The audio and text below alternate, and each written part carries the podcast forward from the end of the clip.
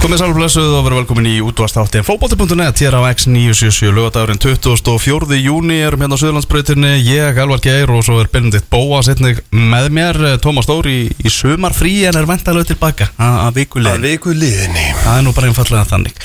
Herðu, það er eh, nóg að ræða, það er eh, besta deildin, það voru þríleikir í, í gær, þríleikir í dag, við ætlum að fara yfir þessa leiki sem að framfóru í gær hérna á eftir, skoðum líka, líka lengjudeildina, við ætlum líka að skoða uh, svona frettir vikunar og, og bara ímislegt meira. Fínasta fréttavika. Já, fyrsta fréttavika, nóg að gerast Við ætlum að ringja í fyrrum landslismann Hannes Stótt Sigursson verður á línunni. Hann er að þjálfa í þýsku neðri deildunum og ætlum aðeins að taka púlsin á, á honum hérna á eftir. En talandi um landslið þá erum við með, með landslismann hérna hjá okkur í uppafið þáttar. Hérna er engin annar en Hörður Björgvin Magnússon Blessaður, Blessaður, góðan daginn drikir Góðan daginn. Góðan daginn, hvernig erum henni í dag? Herðu, bara brattir. Já, Feskir Já, já, já, já. svona hend öllu Öllum sem viðbjóð af sér. Já, Og bara eins og nýr í dag. Já. Nákvæmlega. Hva, ef, við, ef við hérna ef við förum aðeins yfir eh, þennan landsleikja glugga því að eh, mér líður svona pínu eins og við höfum tekið kannski fjögustig það er svo mikið jákvæðni og það er hérna það er svo, það er svo gaman að vera til einhvern veginn og því ammali gær var ekki hérna ég meina finnur ekki svona finnur ekki það sama og ég? Bara einhvern veginn Jú, svona, svona kliðina í, í samfélaginu. Já, Jú við eins og- töpum vissulega leikjónum sko. jú, við fengum e- núlstig Eins og það sagðir, þá, þá, hérna Þá er tilfinningi þannig að við höfum fengið fjögustig já, uh, Við erum náttúrulega aldrei að tapa mútið Slovakíu mm. Fá þetta hefnismarkaðna og við hefum getað klárað í fyriráleik. En uh, það fór bara svo fór. Skítamarkan í lokin Portugalsleikurinn uh, Spilum ótrúlega vel. Mhm. Bara stoltur af liðinu hvernig við spilum Og það er svona gaman að sjá að, að hérna að við erum byrjað að spila sama fótbolta og, og, og hérna, við spilum fyrir eh, EM og HM það er svona gamla gamla bandið basically. Það er bara komið aftur. Já. hann er svona kunnulegt stef. Já, Já. hann er svona já, rosalega bjarti tíma framöndan og, og, og er gott kemistri á milli uh, unga, ungu strákarna og, og eldri. Það er svo góð, mjög góð blanda. Nú ert þú orðin eldri. Þú varst yngri Já, nú- þegar já. þetta byrjaði þetta er fljótt að breyta ég komin hinu Nú upp ert komin, komin í hérna reytaboltana og ungi gamlir þá þú er gamall. Hvernig, hvernig er þetta Hvernig kanntu við þig Hvernig er að taka við því? Það er svona uh, já, það er, jú, jú. Það er, það er skellur. Að því ég kom inn og þá var ég alltaf ungur. Mm. og síðan allt í hennu hættu allir el- elstu og þá allt í hennu var ég einn aðeim elstu. Mm. þannig að svona breytingin var stór á stutnu tíma. Já, já, já. En hérna, jú, jú, það er fínt að það er fínt að taka við kefluna af, af eldri og, og, og hérna, hjálpa yngri Miðla. Já, meðla reynslu. Mm. Ertu eitthvað að pæla í svona, veist, svona eins og núna bara í Greiklandi og eitthvað hannig Ertu, þú veist, ertu að meðtaka núna þjálfara Dóti, er þetta eitthvað svona, já, heyrðu, þetta er nú kannski eitthvað sem að eitthvað fyrir kallinn? Nei, ég held ekki. Bara Kokkin er svo bróðið bara. Já, nei, það fyrir alltaf mikil tími það. Um, Ég held að uh, ég er ekki að fara að leitast eftir að, að vera í sömu vinnu, sami vinnutími ef ekki meiri, meira álag. Já. fara á hótel fyrir leiki Það komið nóg á hótel í vinnu. Já, þannig, að þetta er komið gott sko en, en það maður gæti, gæti verið agent. Já, já. Það er kannski svona, maður þarf að svara símu og, símum og hérna og skjóta sterlindis og horfa okkur leikmenn og, og þetta og, og, og mér finnst gaman að spjalla líka þannig það er fínt fyrir mig að, að hérna, tala við fólk. Hvað er hérna En hvernig er sko, það er mikið búið að ræða um svona eins og okkar að ræða bara presensið á honum og svona, þú veist, ég finna funduðu það bara frá fyrsta fundi bara, búm, hann neldi þetta að því hann neldi fyrsta blamanum og þú veist, ég Já, ég bara sá hann ekki. elska hann. Var það, var það svoleiðis? Það var svolítið, hann tók bara fyrsta blamanum og ég var bara, mm, ég er klár Ok. Slókja Hvað skrifaðu undir? Já, bara það var þannig sko. Sko, og, og þjóðin skrifar undir Þú voru að tala um hérna Við gerum skoðanakunn á fótbolta.net þar sem við spurðum einfallega Telur þú að uppbygging landslýs að sé á réttri leiðandi stjórn og hóraði þrátt fyrir tvo svekkjandi tabliki og það segja 95% bara já, framist að var góð Eh, 5% nei, erum ekki á réttri leið Já. og þetta er ansi mikil sveifla þrátt fyrir að við höfum ekki bætt við okkur einu stíi Já, í klukkan Ok, ok Já, að þjóðin er komið með sko. já það er Loksins, getur við sagt Það er komið tíma á að hérna, þjóðin komið aftur tilbaka og, og, og, og hérna, hjálpa okkur að að vinna leiki. Það, mm það er það sem við þurfum að, að byrja að gera, við þurfum að byrja að vinna Já, já. og búa til eh, hérna, laugatasvöld að grifja eins og þetta var hérna áður fyrr.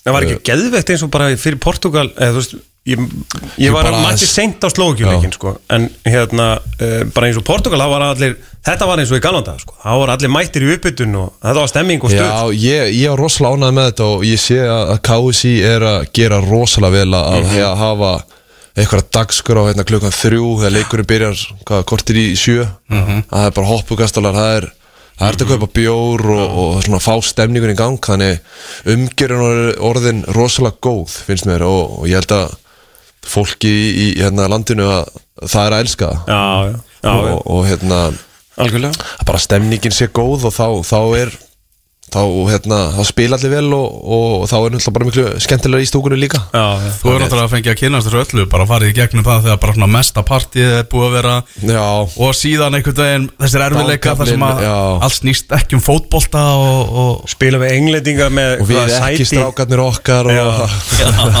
þetta er spila við englendinga með sæti hvernig var þetta? Það var annað hvert sæti eða þú veist, tvö sæti á milli Já, COVID, eða eitthvað. Þannig að já, glórulist sko. En jú, ég er búin að upplifa þetta allt eins og Það eins verður gaman að hérna, fá því Gíslamartin eftir svona tíu ár þegar þú rifjar þetta upp svona. Já, Já, verður hann alveg eins og hann e, sís Já, verður, hann, hann alltaf ekkert ekkert. Nei, nei, hann verður eins Hann sko. yngist bara. Já, já. Hann er alveg eins. Hann er alltaf bara alveg eins eftir tíu ár. Þannig- en, en þú sér það bara, þú veist, það er aðeins að svona, það er að byrta til. Já, maður finnur líka bara fyrir því og, og, og bara hvernig spilamennskan er núna uh, og fyrir ári síðan það finnur bara mikinn mun. Ungustrákarnir eru búin að standa sig vel í, í sínum félagsliðum byrjar að vinna titla. Þannig svona, þetta eru þessi strákar eru búin að taka rosalega stórt skref á stuttum tíma. Þannig maður sér gæðin í þessum ungu strákum sem er að koma inn, Willum kemur inn núna bara í fyrsta sinn. Bara neglir þetta strax sko Já, það er alveg Valgir kemur inn Já, Var minn maður. Pep- Pepsi-deildinni fyrir þremur, þremur árum eða fjórum árum Já, ég meina, hann var bara, sko, lúði í borgarhaldsskóla fyrir þreymur árum, sko, Já, já. sem að bara eigast við, eiga við Ronaldo, sko. Þannig bara rós, rós til þeirra að, að, að, hérna, að uh, ungu strákarnir eru búin að taka við já, keflinu og, og stóðu sér gríðalega vel í þessum tveimur, tveimur leikjum þannig ég, ég er bara mjög brattur á, á að þeir geti hérna, hjálpa okkur gömlu og, og rífa okkur í ganga. Hvernig er að segja sko. svona setningar, að, hérna, hjálpa okkur gömlu? gömlu þetta er, þetta er högg sko. Nei, nei, þetta er þetta er hérna Tveggja barna faðir og það núna allt í hennu farin að pæla í svepp. ósofinn og það er að gefa pelanætuna þetta er þetta er ákveðin skellur sko en gaman Já, En gaman, hefur þetta næsti gluggi, hann er náttúrulega í september, þá erum við að fara til Luxemburg, það sem, að, sem er náttúrulega spúkniklið í þessum riðli. Já. Unnu Bosníumenn sem gerði það verkum að þjálfari Bosníu fekk bara hreinlega sparkið, fekk hann sparkið? á, búið að rekan, já þannig að Bosníumenn mæta með nýjan þjálfara á lögadagsvöld í, í september. er það gott eða er það slemt? Ei, þið fjölumölumenn þið er, það, það flækir aðeins vinnuna fyrir þjálfaratemið hjá Íslandi, að, ko- að það er nýr þjálfari kemur, það var erfitt að skoða síðustu leiki hjá Bosníu. já. Já. En það er hérna, ég var að sjá myndir frá þessu eftir þetta tapa mútið Luxemburg og fyrir utan völlin hérna í Senitsa allt brjála Það var allt á suðu punkti sko. Það var bara Hvernig heldur- hersveit af lauruglumönnum hérna og Já, af því að þú hefur nú verið í Senitja og Áhugaverð fyrir, borg. Já. fyrir áhuga saman komst þú, nú komst þú á leikinn? Já, já, fyrir var- áhuga sama er náttúrulega hérna, Netflix-serían hérna, hvað heitir hún hérna Crimes eða eitthvað hérna, eða, þú veist það er allræmt fangelsi. Já, já, já. Ég tók um eitt göngutúr þangað skoða það að hérna veist, ég myndi ekki vilja vera í þessari borg þegar þegar það allt er á er, suðu já, það er hítið þar. Já, Nei, ég bara af að tapa þarna sem við áttum aldrei að gera. Við bara spilum illa og en bara sá stemninguna eigandin, eða eigandi landslýsins, var þetta ekki eigandi eða presidentin eða eitthvað? Lappar inn í klefa og gefið um bónuskrislu þetta er svona smá svona félags félagslega þing sko. Já, já, Það var þessi þjóð sko, Bosnia er svo sundruð sko. Já. Og ef það er bara heill hópur sem þólir ef ekki þennan eiganda landslýsins sem, er, Já, ok. sem er þessi formaðir sambandsins sko. Já, ok. Og margir vilja menna að sé, að sé bara reynilega glæbonni sko. já, Já, það er bara betra að segja minna, minna þá. Það er bara að þýða þetta staðar. Það það er bara þannig. maður sér alveg þessi þjóðir er það heita að, að það má ekki tapa leiki að skýta eh, Ekki á móti ský- ja, Luxemburg sko. Það Nei. er högg sko. Og líka á heima allir Já, þú vilt já. frekar s- tapa í Luxemburg hel, heldur en heima. Mhm. en ja, bara fínt fyrir okkur þetta er opna, opna riðilinn og, og heldur en það von. Já, já, ennþá, vonulega ennþá, ennþá til staðar. Við þurfum að fara kannski svona aðeins svona erfiðari leið. Þurfum að kannski Já. að sækja úslit Það er krísuvíkulegin, við erum venn því já, já, við Og svo er þann líka, líka umspilið er ennþá opið. Já, Og bara mikla líkur á því að við fyrir þangað. Ef, ef við náum ekki hafna eh, top 2 eða öðru sætinu. Leikur á tenni, er ekki, er ekki Það ekki Er það ekki þannig? Jú, ég held að Þetta sé eiginlega bara Þá spilum við bara í Danmörku eða Já, eða það var að tala um, já, er ekki Bröndby stadion Svona tala um hvað líklegast tók- að gefa út Ég, ég, Ekki formlega, ekki nei. formlega sko. Ég, minnir nefnilegast að KSI sé búið að gefa út að við ætlum ekki að eða aftur hérna 117 miljónum í dúkin sko. já, já, nei, að verður gera lífi á kitta erfæra láta kitta vinna bara hérna 700 klukkutíma á tveim dugum sko. Já, Siggi, Siggi, Siggi Dúla reddar þessu. Já, já, já. Eru þið fyrir til Greiklands aðeins?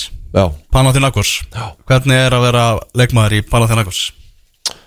ég er að dyrki það. Já. Mér finnst uh, gaman gaman að spila í svona uh, heitu landi. Þá meina ég skilur það eru heitu stundismenn já, blóð heitir, það, þú mátt ekki tapa þar. Þetta er nánast eins og Bosnia með að tapa á móti hérna Luxemburg uh, við megum ekki tapa þá eru við refsaðir. Já, en sem betur fer átti ég mjög gott tímabill og, og liði líka. Að við vorum efstir allan tíman fram að næst síðasta leik á töpuði þá, þá komst AEK yfir okkur. Þannig uh, bara Greiklandi yfir höfuð bara veistla sko, það er gaman að búa hana góð matur.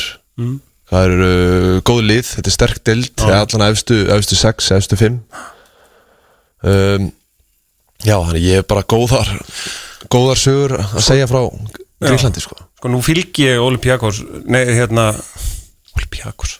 Ég myndi aldrei Viltu ekki segja þetta? Nei, ég sagði bara Ég fattaði bara shit Ég fekk alveg svona fuck. Hérna Panathinaikos á Já. samfélagsmiðlum. Eh, Hérna Sko stundum er það að spila bara á einhverjum því líkum völlum og það er því lík stemming já, og svo er líka sko hinnendin, það er eins og það sé svona áttávusmanna völlur já, þetta já. Og það þetta er miklar öfgar einhvern veginn. Já, það eru mörg uh, neðstu, neðstu liðin. Mm. Þau eru öll á okkur svona l- mjög litlum öllum Já, já, já. En hérna En það finna er að stuðnismenn, away stuðnismennir Þeir mæga ekki mæta á útileikina eins og við, ef við spilum í Já. aðfinu við, við fáum ekki stuðnismenn okkar á AEK Nei, nei, leikvangin nei, nei, nei. Já. það var hérna ég held að það voru fjóri menn drefnir fyrir ykkur um fimm ári síðan Ah, og þá settu við bara reglu að bara Já, ok. stuðnismenn hérna, útilýsis fær ekki að mæta mm. en þeir fylgja okkur í það Já. þeir koma fyrir utan á hótel okkar og allir á vespum og, og, og hæja rútunni og fylgja okkur að það næsta leikvangi sko. Já. þá getur lauruglan stoppa þá af. Já, já. og hérna en þetta er bara æðislegt að, æðislegt að spila í svona landi sem þú færið mikinn stuðning. Það er bara allir blóð heitir að það þú vilt ná árangri, þú vilt vinna eitthvað fyrir klubmin þetta er basically bara eins og Barcelona þeir þurfa náttúrulega bara að hafa eitthvað gott leikrit svo að fólk mæti. Já, já, já, já. um, síðan er ég bara með flugvelda í, í stúkunni og öll blísin uh, UEFA er ekkert að tellja þessi blís sem er sekt sko. Já, já. en hérna meðan ég man þá þá hérna fekk Alfred Fimboa hann fekk rakitu í, í raskatið. Þegar hann mætti á okkar, okkar það. Þá var grýtt sætin í leikmanna og, og hérna, reynd að skjóta með flugöldum og Alfred fekk eitt flugölda í, í, í hérna, ja, afturendan og, leikur var flautaðar af og þeir unnu. Þannig Já, að þetta ok. var já, þannig þannig ég vissi ekki alveg hvað ég var að fara út í því ég heyrði þessa sögu ári, í hérna, skrifundir. Já, já, já. það er bara já, að mæta heimaleik eða útileik í aðfinu þetta er bara styrlun sko. Já. Hvernig er samt, uh, þú veist, ég mína Aþena er náttúrulega bara, þetta er bara stórborg Þú veist, ertu í útkverfi, ertu í miðbænum Ertu, Uh, hvað ertu, ertu í Ertu í Úlfarsárdal eða ertu í Ok, ef, við- ef, Norðurgolti já, ef við tölum þannig? Já, við erum, ég er svona Ég er í, í hvað, Ég get sagt bara Garðabærin Hafnafjörður Frá Já, Reykjavík. já. þetta er, þetta er svona Sú vegalengt frá aðþunu Þannig að það býr enginn inn í aðþunu Inn í trafikinu og, og öllu Já, Öllu vesinu sko Já, uh, Æfingasvæði okkar hjá flugvöldunum Þannig að við búum aðeins nær Og frá borginni já, já, já. En stutt í, stutt í miðbæn Ok, ok Og bara geggjaði matur vantarlega og þú veist, það er allt til alls hana Allt til alls, já Gott já. veður. Gott veður, góð matur, góð leikskólar Já, Það ok. byrjar að hugsa fyrir börnin og Já, Þannig að svona allt til alls Hvað er það með langan samling? Já, árættir árættir Já. og þú vilt vera þarna bara helst áfram með það? Já, uh, líður vel Já. uh, gott, a, gott að búa hana og bara fjölskyldur líka Þannig, Það er líka beint flug, að það er nú stutt er já, play, jú, play, var að, play Já. var að henda í gang uh, í byrjun júni að, já, beintflug yfir stutt fyrir familíuna já, bara Já, er stutt. já, bara langbestur er fjölskyldan að henda töskunum alla leið og, og eitt flug samt 5 og 50 held ég. Þannig þetta er svona Tenerife feelingur sko. Einmitt, akkurat. En uh, Hvað bara er hérna, sko, mælur með að fara til aðeinu og leik og, og svona, er þetta hérna, þú veist, maður kemst lifandi frá því? Já, já, já, já, já. ég, ég mæ, nei þú kef kaupir að rétta svæðinu í stúkunni. Já, Já. nei, stúkan, stúkan er náttúrulega bara á stuðnismennu okkar þannig þú færið alltaf ást og ummyggju þar sko. Já, já, já þannig, einmitt, ok. en það er bara spurning að maður rettar ykkur með að útileik sko. Að, Já, ég ekki, já, ég bara gerir það ekki sko. Vertu bara í réttu litunum á Já. heimavelli. Já, verður, ég farið bara í fullkit uh, hérna að Trómidós eða En eru þeir ekki, hérna, var ég ekki að sjá rétt, eru þeir byrjaðir Þeir eru byrjar á. Þeir eru byrjaðir? Þeir eru byrjar á. Uh, Fljú út núna til Austuríkis í, í Prísísson mm. Og uh, Ég flýg þangað núna á þriðdæðin Mm. Hitti, hitti strákana og liði bara. Mm. Og uh, við verðum þar í tvær vikur. Og við eigum leik í undekjumni Champions League. Mm. Hvað 20. annar á móti úkransku liði? Ég veit ekki alveg hvað það heitir. Mm. Ok, já. Við byrjum allan á móti þeim. Það er fyrsti leikur? Já, Já þannig að þetta er 20. annar júli. Þannig hún nærði að vera á Íslandi núna fram á þriðu dag og Já. svo bara hefst vinnan Já, þá byrjar þetta aftur Lítið frí en Vá, það er, hvað er það, tíu dagar eða eitthvað? Já, svona eiginlega, en, en ég kom náttúrulega heim í, í, í tvær vikur, sér byrjaði maður að æfa en, en þetta er aldrei frí þegar þú kemur heim og veist að það er hérna, landslið eftir tvær vikur þú, Já, þú, og- þú ert ekki og að fara ekkert í já, hérna, Nei, fór- þú ert ekki að fara á, Fórst ekki á Tommaborgara og Nei, að fá purustek og Já. ekstra bernes og Ó. allt þetta sko. Það, Þú sleppir því. Alveg þangað til að leikunni búin, eða leikinir er búin sko. En, Já. en, uh, en maður þarf náttúrulega að hugsa vel um sig í, í þessu fríi sem maður fær á milli sko. Já, en þetta er aldrei frí frí sko. Nei, nei, nei, akkurat maður er alltaf með hugan, hu- hugin, hana, hugan eitthvað staðar, annar staðar en, en, en maður svona hugsa alltaf maður þarf að hugsa vel um sig og, og vera fitt Já, einmitt. Já, ég menn annars missur bara sætið. Það er ekki lókið Hvað hérna er það, þú veist, í svona off-season eða þú veist, í þessu? Já, Þú veist, ertu í jóka, ertu, þú veist, hvernig, ertu mataræði, ertu þetta, ertu hitt, hvernig já eftir, eftir maður eldist komin á þrít, uh, fertusaldurinn þá, þá byrja maður að hugsa aðeins öðru í sig aðeins öðru sig og hvað maður setur ofan í sig. Mhm. um, maður svona byrjar líka að þekkja hvað maður má og hvað maður má ekki. Já, já, já, en hér á yngri árum þá var öðru sig þá guffa maður í sig og síðan bara fekk maður skellin og, og, og lappa í gegnum vegginn þannig sko. Mhm. en uh, nú í dag þá, þá getur ekki borða óvalt og, og, og farið síðan viku, viku setna og spila eitthvað landsleik sko. Þá þú, þú mynd finna fyrir því sko. Já, já, ok Verður ekki aðeins að minnast á Fyrst þú varst nú fjögur ár í, í Moskvu Í Rúslandi já, Þarna er ekki bara skrítið Náttúrulega rosalega frétti sem er að byrjast núna Frá Rúslandi, við ætlum ekki að fara að krifja Hvað er í gangi þar En þarna er ekki bara skrítið eitthvað neginn Eftir að hafa búið þarna í þessi ár Að fylgjast með þessum fréttum Og hvað er að gerast? E, jú, þetta var uh, þetta var svona smá blörrað fyrir mér bara að, að sé komið stríð Mhm. þú ert að fara að fljúa tilbaka í Moskvu það sem þeir byrjuðu, náttúrulega rússarnir að fara í stríði í Ukrænu og, og svona það gjör breyttist allt í Moskvu alla búðir, svona erlendi búðinar mm. evrósku búðinar það er loku, það var bara settur lás Já. það er, það er svona öll mollin voru bara tóm en allar rústinsku búðinar opnar þannig maður sá bara svona Starbucks, það var lokað. McDonalds, það var lokað. Það var bara búið að setja allt í lás.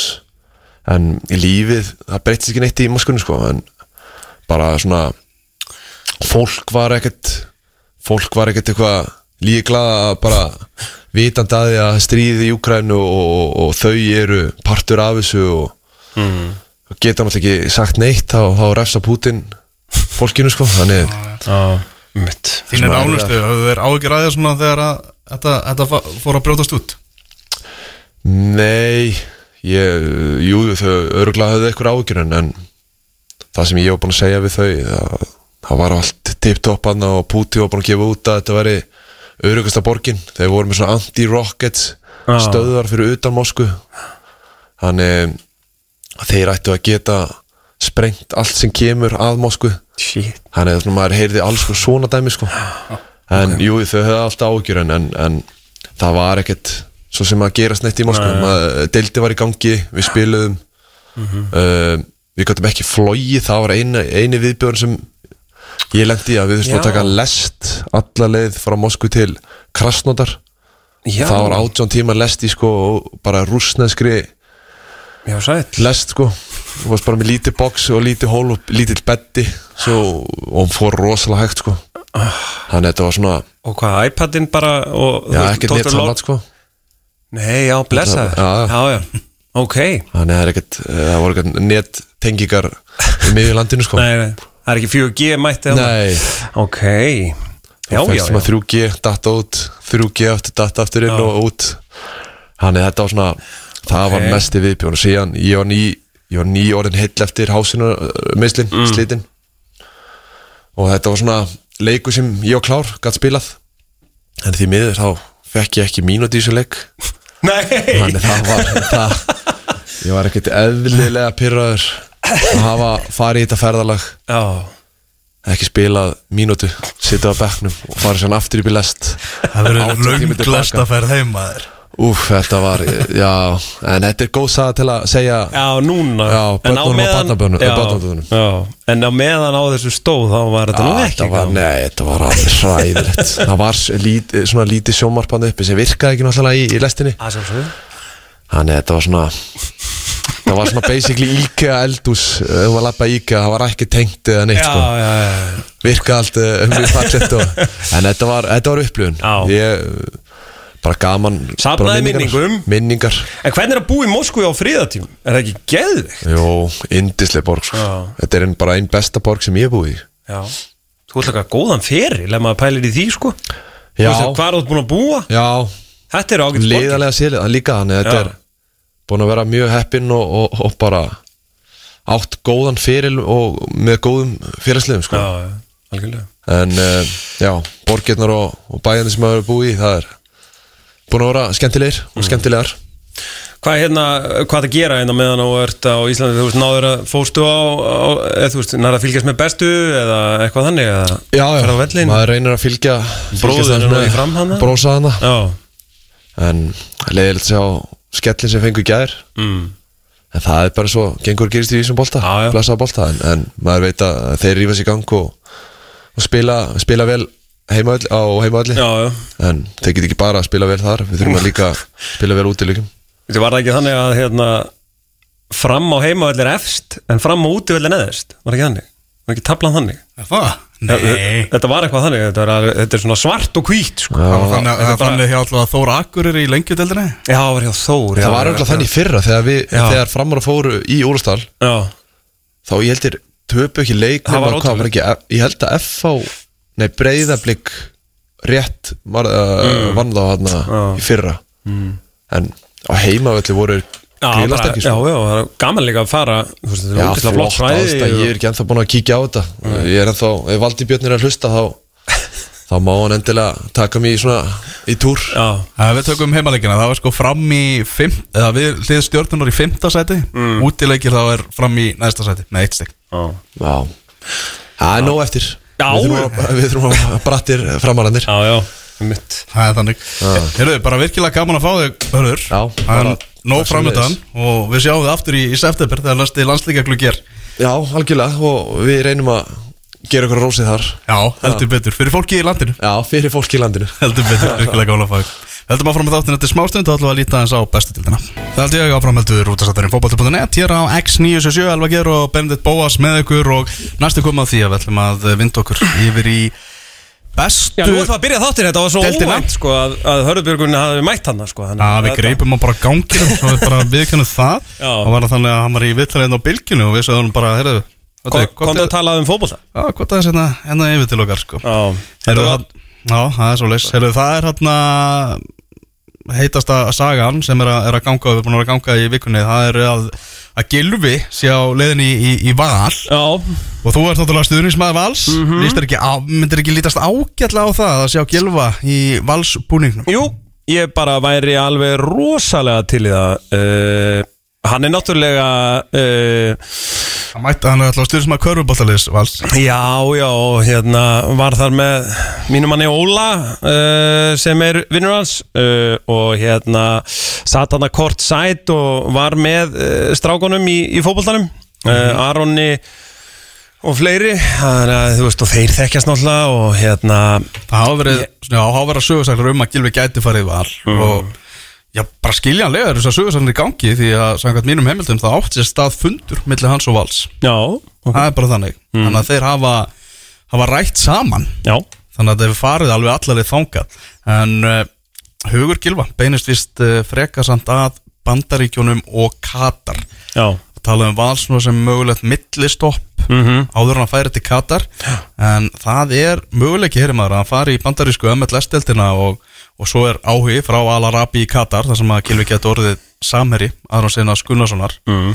uh, Náttúrulega ef að Gilvi færi í Íslandskuðildina sem ég reyndar held að sé ólíklegt eins og stæðinu núna þá eru það, Já, hann fæ bara að æfa, er það ekki og að, eitthvað svona. Þá eru það út tímabilið ef hann myndi fá skiptin sko. Mm. og fram að því að hann færi út að spila í, í haust en það er þetta reysa stórt fyrir bestu ef, að, Já. það myndi gerast. Já, já, Gilvi náttúrulega hefur verið orðaðir við eh, DC United. Já. Og það er hann við stjórnatöfumana hans fyrrum samherji Vein Rooney þeir spiluðu saman hjá, hjá Everton. Og Gilvi var fyrst orðað við félagi 2020 þannig að það er spurning hvort að það sé það félag sem að sé mögulega það, það félag sem er grípa Gilvi en allavega þá svona eins og maður heyrir þetta þá er hugur Gilva að snúa aftur í boltan Já, það er bara frábært. en sjálfur hefur, já, Gilvi ekki tjáð sig opinbila Nei, um, um þetta, við fengum náttúrulega Aron Einar hérna í þáttinn um daginn og spurðum hann út í þetta og hann alltaf sagði, ég ætla nú bara að leifa Gilva náttúrulega tjá sig um sín mál og allt það. En hann sagði, eh, svona, þú veist, að það væri pláss í Al-Arabi já, já ég, Já, já, það er held ég pláss víða fyrir Gilva sig. Já, Uh, og hérna það væri náttúrulega sko ekkert eðlilegt að sjá hann lappa út í uh, fallegustu treyju landsins sko. Það væri áhugavert. Já, það verður við kynast Ég væri alveg til í að, að hérna, þú veist, áhugin ekki bara á val, þú veist, bara á dildinni og, og hérna öllu því, það væri skilur, það væri það myndi, hann myndi rjúka upp, þú veist, að gilfi sig í val staðfest. Mm -hmm.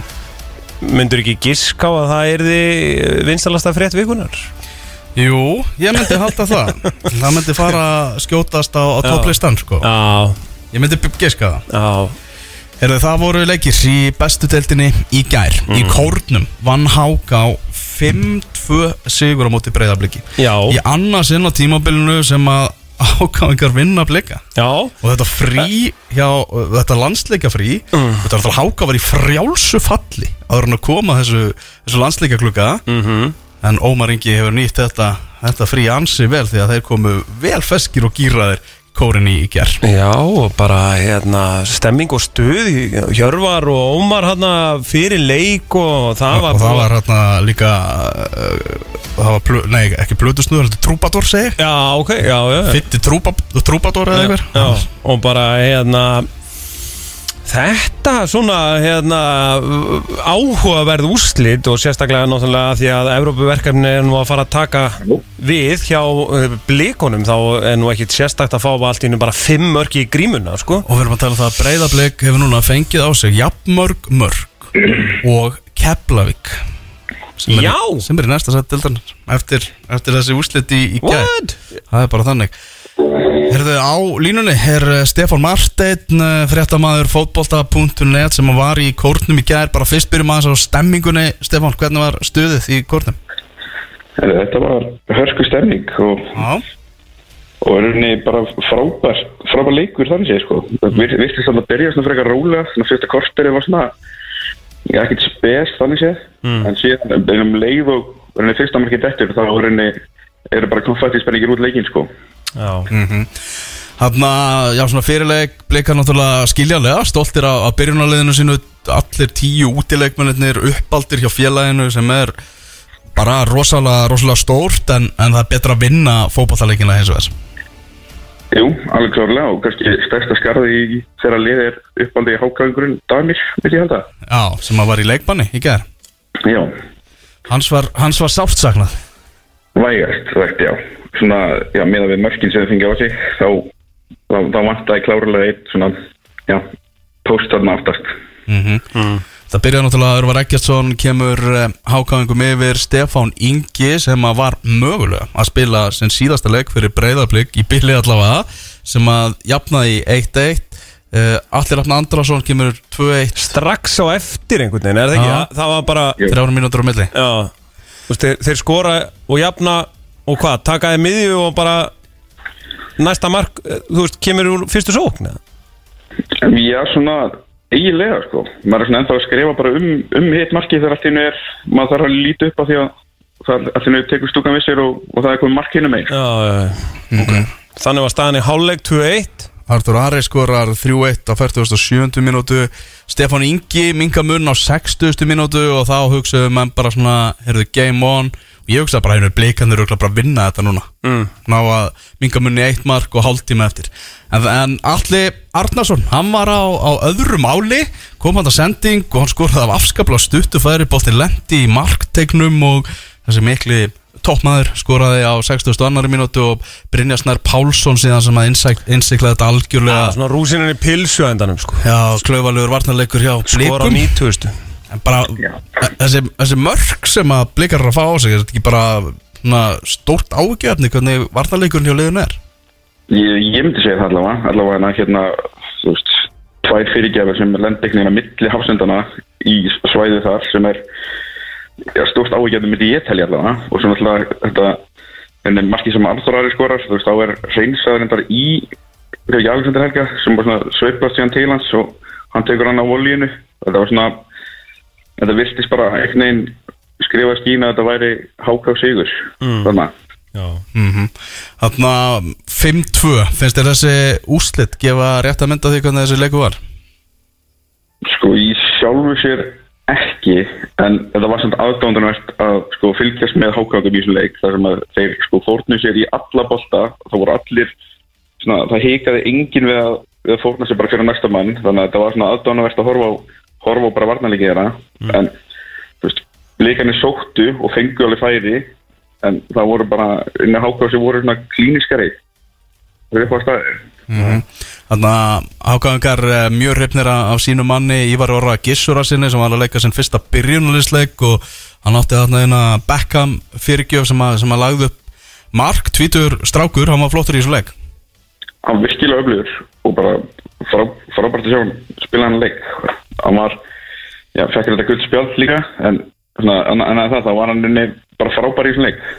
Býtu einn af, hvað 20 eða eitthvað sem fengu spjöld það var hérna uh, þú veist, uh, þú gafst Ella átta langar með að segja, ég mannaði ekki alveg Jú, Eh, hann Já, uh, hvað var þetta harður leikur og, en, og erfiður að dæma en Elli bara listi þetta eða? sko, ég var ánægð með að hann raka allan engan út af Já, já, já. en sko það var svona fullt af svona einhverjum svona pyrringsbrotum og, og einhverjum svoleiðisbrotum sko, Þetta er náttúrulega að- derbís lagur þetta. það er, það er hitti Þú veist, mér fannst hann hafa fín tök á leiknum. Svona heilt yfir, það var en, engi dómar sem voru svona sem að svona pældi, ok, þetta er klárlega rákudómar þessi, Já, já, já. Mér fannst það bara komast bara mjög vel frá þessu. Og eitt dífuspjald, Viktor Karl Einarsson við kalla spjald fyrir dífu en hún tex. Jú, það er bara hár rétt Já, ég held að Viktor hafi ekki verið stoltur á sjálfum sér svona, þegar hann skoðaði þetta um kvöldið. Já, það var eitt frá, frábært að hann hafa ekki dótt í það grefið mitt að benda punkti þarna. Já, nokkulega Og mjög örugur í, í bara, já, dæmdi þetta vel. Elli sem er bara búin að vera frábær í sumar. Já, já, hann er það.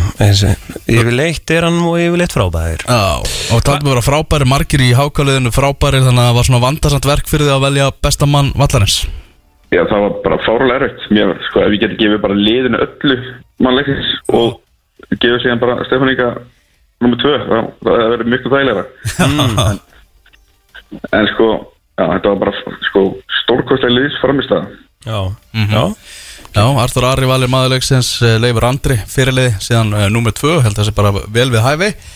Uh, Nefnir þarna Stefán Inga uh, talaði um það að hann sé á leiðin í belgísku B-deildina. Og svona munum fannst þetta einhvern veginn svona á látbræða hans var að kissa merki og svona eins og þetta væri svona hann var að kveðja Já, mér fannst það mjög spes að hvað hann kistaði miklu innlifin svona fyrst hann var nú hjá Hákáðna í ykkur þrjá mánuðan í fyrra. En jú, en allavega ef, ef hann er að fara út þá bara frábært fyrir hann en kannski spes hann fara þá kannski ekki í í, í eitthvað stærra verkefni heldur en betildana í Belgíu. Já. Þetta er klúbum með þess að sem er sko var að koma upp úr sétildinni Þetta er einhver hérna Það er einhverju peningar hérna þeir alltaf sé bara húra sér beintu Já, það sé stóra hluti Já, það er ábyggilega spennandi verkefni. Já. Já, en það er ljósið þess að þeir náttúrulega geta ja, mér finnst svona kannski möguleikar í, í Evropaboltanum fyrir þá. Mm. að kannski vera stökka frá borðið frá því núna er kannski svolítið skrítið en en það er bara svo það er Já, náttúrulega vond fyrir, fyrir líka Óskar að missa hann að kost úr sóknarinu sinni eftir að Patrik Jóhannes er náttúrulega verða fyrir því áfalli að, að hann meiðist. Jú, bara með svo tíu mörg úr liðinu. Mm og það er bara spurningi hvernig þeir eru að fara að fylla það skarð. Uh, Átni Vil, hann er svona ekki að fá að spila mikið í Úgrænu og hann mikið, mikið í umræðinni Já, svo náttúrulega geta þær kallað held ég eitthvað og pétur tilbaka úr láni það er spurning hvort að það sé ódyrrari kostur. Það er ennþá nokkra vikur ég er glukkinu opnið þannig að eins og Óskar Rapp sagði í löngu viðtali við stengið eftir leikin í gær og bara svona smá stuttmynd þarna viðtali við, við Óskar þá er þarna, þá hafa það nokkra vikur til stefnu og svona svolítið illa við það að taka leikmenn sem þau eru að lána í burtu frá sér svona úr ruðmannum og taktinum sem, að, sem þau eru komnir í sko. Já, já, já. En allt rosa á Háká. Ómar Ingi, menna maður sá bara viðbröðin hvernig hann var að fagna þarna fyrir framann stuðnismennina, þungu fargi af hún og létt, hann náttúrulega elskar náttúrulega að vinna, hann elskar að vinna breyðablík sérstaklega og þeir þurftu svo sannlega að sigra að halda eftir að hafa verið, eins og ég segi, í frjálsum falli Já, bara alveg klárlega og eins og það sagði líka eftir leik að þeir, þeir þurftu hvað mest á þessu, þessari pásu að halda. Gaf mér svona smá frí og svona, svona aðeins að lefa með anda. Voru mikið álag og margir leikir á stöðnum tíma þannig að þeir þurftu kvíldina og hún svo sannlega skilaði sér allavega. Nú geta vikingar náð uh, tíu steg að fórustu á breyðablík í uh, kvöld, þegar þeir vinna, vinna stjórnum Já, ég útskrifta leiknum. Eru titilvonir blika að fjara út, Stefan, hver er þín skoðun á því? Sko, maður náttúrulega þóra ekki að afskriða breyðblik ennþá allavega en þetta er svona, þetta er svona svipa á kannski ágústmannur hjá vikingum í fyrra. Þetta verður kannski svona þegar uppið í staði þá, þá horfa ég kannski á, á þennan mánu þarna, sem er ekki búin að vinna leik sem er kannski svona, svona krítiski punkturinn á tíðanbílunni þar sem að allt voru skróna Já, Þeir eru náttúrulega þeir sko, Óskar talar um að þessi langt síðan þeir töpuleik síðast, á, áður en töpu leiknum í ger en þeir eru búin að fara, þetta er fjórðuleikurinn í röð án sigur síðan eins og er í, í deildinni og Er glasið hálf fullt eða hálf tómt? Þetta er náttúrulega, þetta er hárrétt hjá honum, sko. Hva, hva, Ég meina, hvernig ætlar að horfa á þetta? Já. Þetta er, hérna Óskar veit alveg hvað hann er að segja, sko. En náttúrulega stegilega séð þá var þetta eins og eins og hefur bara tapað þeirra um líka unni eitt Já, já, um mitt.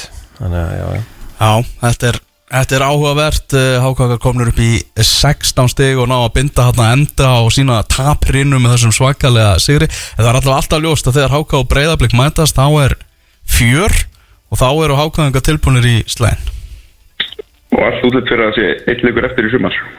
Já, eins og staðan er núna þá eru hákaðingar svona að gæla vel við að vera í efri hlutunum og þá er liðin eftir að mætast aftur. Það er hár rétt sko. Hérna Stefán, eh, þarna þú ert á liðinni á annan legg í, í dag eða ekki? Það er Njarvík Þór Akureyri Hann er Arvík Þór Akurri í lengjudeldinni sem að verður klukkan tvö uh, Þurfum aðeins að minnast á, á hlaðvarpstáttin sem ert með tiltalið Já. Jú. Á, frábær þáttur. Frábær þáttur Þar eru þið að, að fá til ykkar uh, svona, já bara rjóman af íslensku fótballtafólki sem, að- sem að hér að, að spila og hvað eru komin margir viðmælandur nú þegar? Sko við tókum fyrir stuttu hvað var konum með tókum við svona að við, við látum alltaf velja sérst, svona sjömanalið mm. og við náðum alltaf að hendi áttalögslitt fyrir stuttu síðan. Og við ekki að velja sérst, hver á besta liðið þá. Hvort ef að mynda hafi ekki átt sigurliðið þá. Uh, síðan þá hafa bæst við held ég þrýr eða fjórir. Og allavega tveir á leðinni já. Getur þú gefið eitthvað upp hvað, hvað viðmælandur eru á dögunni? Sko, við erum, við erum í viðræðum við, við, við mannleiksins á móti Portugal. Já, ok. Já, já, Þannig að það er viðræður á viðkvæmu stíði Já, Heldur betur mér líst vel á þetta.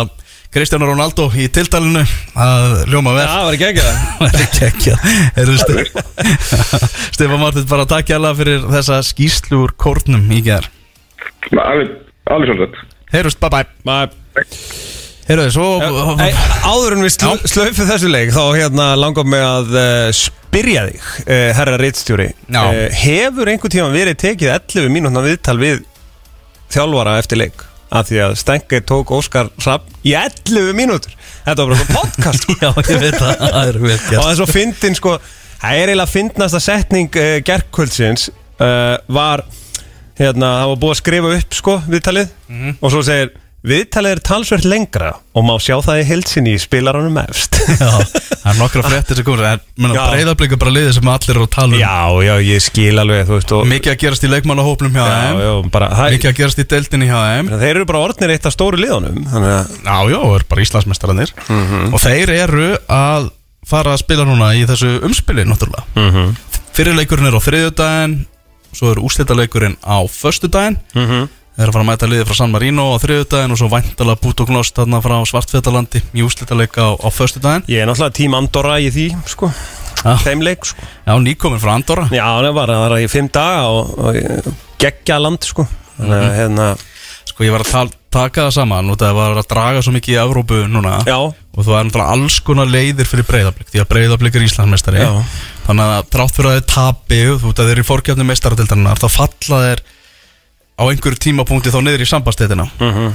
Og ég var að taka saman. Alls er þetta 11 félög Sem að breyðablík er að fara að mæta Eða geta mætt Samkvæmt já, þeim dráttum sem eru búnir sko. ok. Þannig að möguleikarnir eru ansi margir. Það væri bara svo geggjað ef að FCK myndi koma inn og hann myndi mæta síni sínu sko. Það það er væri- til að vinna umspilið og vinna síðan þetta ískalið þarna í, í fyrstu umferðin í mestardetinni þá eru þeir komnir í leik á móti FCK Sko við í Vangjum Þöndum höfum uh, hérna Evrópu Jóa, Jói Alfreð. Já, Hann er, uh, við köllum hann Evrópu Jóa Því að hann, þú veist, ég skil stundum ekki eins og svona þegar var verið að draga Það eru, veist, það eru tvölið hér, fimmlið hér, sjölið þarna En svo hefur það tvö þarna og eitt þarna En við mætum þeim í, eil- veist, og maður er bara Þetta er svo mikil frumskóður Þá kemur Evrópu Jói alltaf sterkur inn. Já, Útskýrir þetta á mannamáli fyrir mér. Já, Það er mjög gott. Já hann er góður, góður skýrandi Já, Það er við fáum hann bara í þáttinn hérna til að skýra þetta allt sem, allt sem er En bara fyrir stundum með blika þá held ég að það sé bara gott að taka eitt skref í einu og það er bara að byrja, byrja byrjum á þessu þriðjudaginn. þá, st- þá verður nú all græn sko. við stiðum nú Ísland, eh, íslenska lið í Európa-kjörninni sko. Já, og uh, já, verður allir, allt umspilina til að spila á Kópa og Svelli og þess að fylgist með vikingum í fyrra, veit alveg nákvæmlega hvernig þetta gengur fyrir sig. Heyrðu, það var leikur á Kaplakrikavelli í gerkvöldi Já, aðeins yfir það með Herði Björgvin hérna á þann Aðeins að, stikluðum á stóru Já, ekki í útsendingu samt. Nei, var fyrir útsendinguna.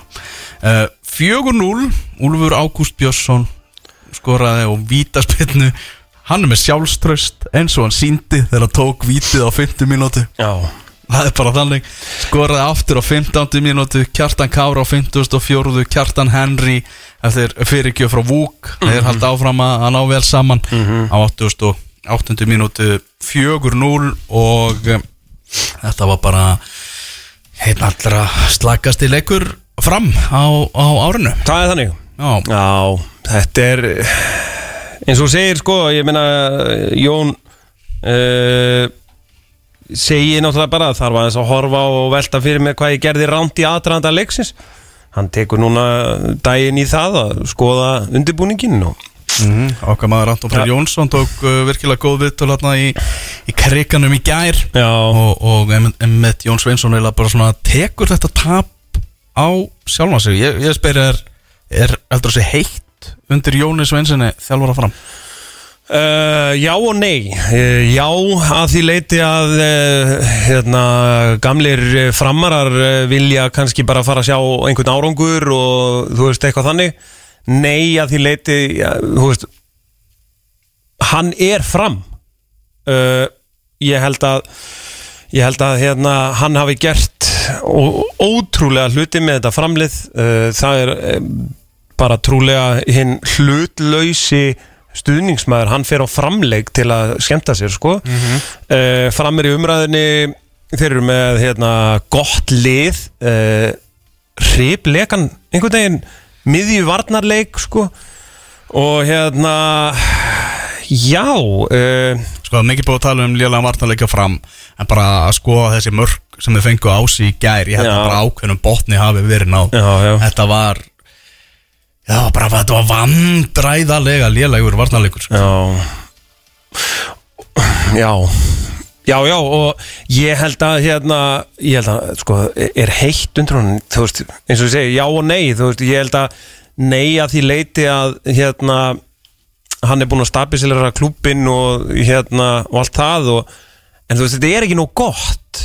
Þú veist, þurfa framarar þurfa að, eh, þú veist og hver á þá að taka við er, er góðsaglasteinpillin það mikill á Jóni Sveinssoni að veist, hann er ekki reikinn mm, þetta snýst bara um það að hann svona finni hvernig hann, hans vitjunatími. Já. Já, ég held að, já, ég held að það sé alveg rétt hjá þér. Ég er held að, að gera frábæra hluti fyrir klúbin já. og, og, og, og bara koma þeim aftur hérna upp og fylgja þeim inn í Úlfarsárdalinn og mhm. Það er bara, gegja sko. Mm -hmm. Og vantar náttúrulega Fred. Vantaði Freddi sem er, ger sem er högg. Já, en það er ekki hann á ekki að byrja upp varnarleikin allavega. Hann á ekki að gera það uh, Og varnarleikurinn, eins og, eins og ég sá þetta allavega og sé þetta Þá er þetta varnarleikur sem að þú átt að vera bara búin að æfa þig. Veist hvað við, þetta er bara eins og óæfður varnarleikur. Já og, og, og það er ekki gott sko, með alla þessa pásu mér, ég sé þetta bara þannig veist, með alla þessa landsleika pásu sem að var þá á, þú veist, fyrsti leikur eftir það þá átt að sjá eitthvað. Og þarna sáum við bara að varnarleikurinn var ekki góður sko. og mér veist að það er áhyggjafni sem ég hef sko, já, fyrir fram þar að segja. Já ég, annars er mér drullu saman sko. menn hafa áhyggjur upp í, upp í Úlfarsdal, Úlfarsárdal og ég held að það sé alveg innest að fyrir þeim áhyggjum. Mm. og um, herru þarna hvað einu stíði fyrir Róan fallsett eins og staðan er akkurat núna. Já, uh, F.O.engar hins vegar, þeir eru taplausir í Já. Kaplakrika mm. á þeim líður vel heima hjá sér þeir eru með fjóra sigur og eitt jafntefli í kriganum, hvort sem það er á miðfellinum eða, eða á Kaplakrikavelli já. Heimi Guðjónsson á gjössamlega allt, allt, allt róskilið hann er að þakka niður svona efasendarattir sem að þú veist, hann vissaði sjálfur að það voru ykkur umræðar um það það sem að menn voru bara veltaði fyrir sér hvort að, hvort að hann væri bara búinn Mm. Já, já, ég meina þegar við fengum hann hér þú veist, þá hérna uh, hvað var ég, var, hann var uh, í aðranda mótsis og þá var hérna þá var hann alveg brattur sko ég hef, Og- ég hef sjálfur aldrei haft efasemdir um, um Heimi Guðjónsson sko. Nei, nei, ekki Þú veist, ég náttúrulega kynntist honum vel aðna þegar hann var að vinna fyrir val og, og þú veist stu, þetta bara gekk ekki setna árið sko fyrra árið var frábært Mm. ekki gleyma því sko, það var það var svona einhvern veginn þannig að, að, að hérna, fyrra COVID COVID-titillin að það, við spilum úslega vel og gerðum það bara listilega svo bara einhvern veginn fór allt í skrúuna og engin veit í rauninni svarið við því af hverju það gerðist. Ég hefaðist aldrei eitthvað um að FH væri bara í nýjunda sæti sko. Og veist, ég, ég vissi alveg að Heimir myndi rífa þetta félag upp. Hann er með þannig áru, hann er með þannig presence að veist, ég var alveg til í að hlaupa eh, í, gegnum veggi fyrir hann sko og ég var ekki eins og í liðinu sko, ég var bara starfsmæður á plani. Hann er búin að ná að kreista bara allt út af þessum mannskap sem, að, sem að hægt er en það verður högg fyrir þá þegar Úlfur Ágúst uh, fer fer út í nám. Já, en uh, þetta er náttúrulega Venn, Venni talaði um eitthvað núna koma eitthvað smá varnagla í viðtalinu í ger mm. sagði svona já það verður mikið högg fyrir okkur að missa hann ef, ef af því verður eða eitthvað. Mm. Skiljanlega held ég að FH sé að reyna eins og þeir geta að halda í Úlf Ágúst Björnsson. Ég meina þeir eru í Evrópu baráttu sko. Já, já. það er, bara, það er staðan. Mhm. þannig er staðan, við gleymum því ekki. Það eru fjögur Evrópusæti Já, í íslenska bóltanum í ár. Ég held bara, þú veist eins og Úlfur Ágúst, ég meina, hérna, hvað fær hann oft þetta tilbúð en ekki fara í eitthvað í Harvard eða Caltech, þú veist, hann er að fara í einn á stóru skólunum. Mm þú, þú veist þú veist, ég stið hann 100% í því að, að fara út og menta sig og hérna og allt það, en, en ég skil líka eins og heim, heim, heimir segir, sko þú veist, láttu reyna á þetta í eitt ár og Já. svo ferð út, en þú veist liggur eitthvað á. Já, ég meina, hann vil náttúrulega halda öllu sínu leikmönnum. Ég skil það, en þú veist hvað færðu oft svona tilbúð um að geta sagt bara já, ég ætla að fara til bandarækina að menta mig Mhm. það er, er gleði yfir hafðfyrringu Já, það er það. Og mér varst hérna eins og hérna auglýsingin sem að var hérna með bleikabúningin og svona þannig að það sem að hérna uh, heiðar í botliðu var að tala uh, og, og bleikibúningur var frábær presens sko.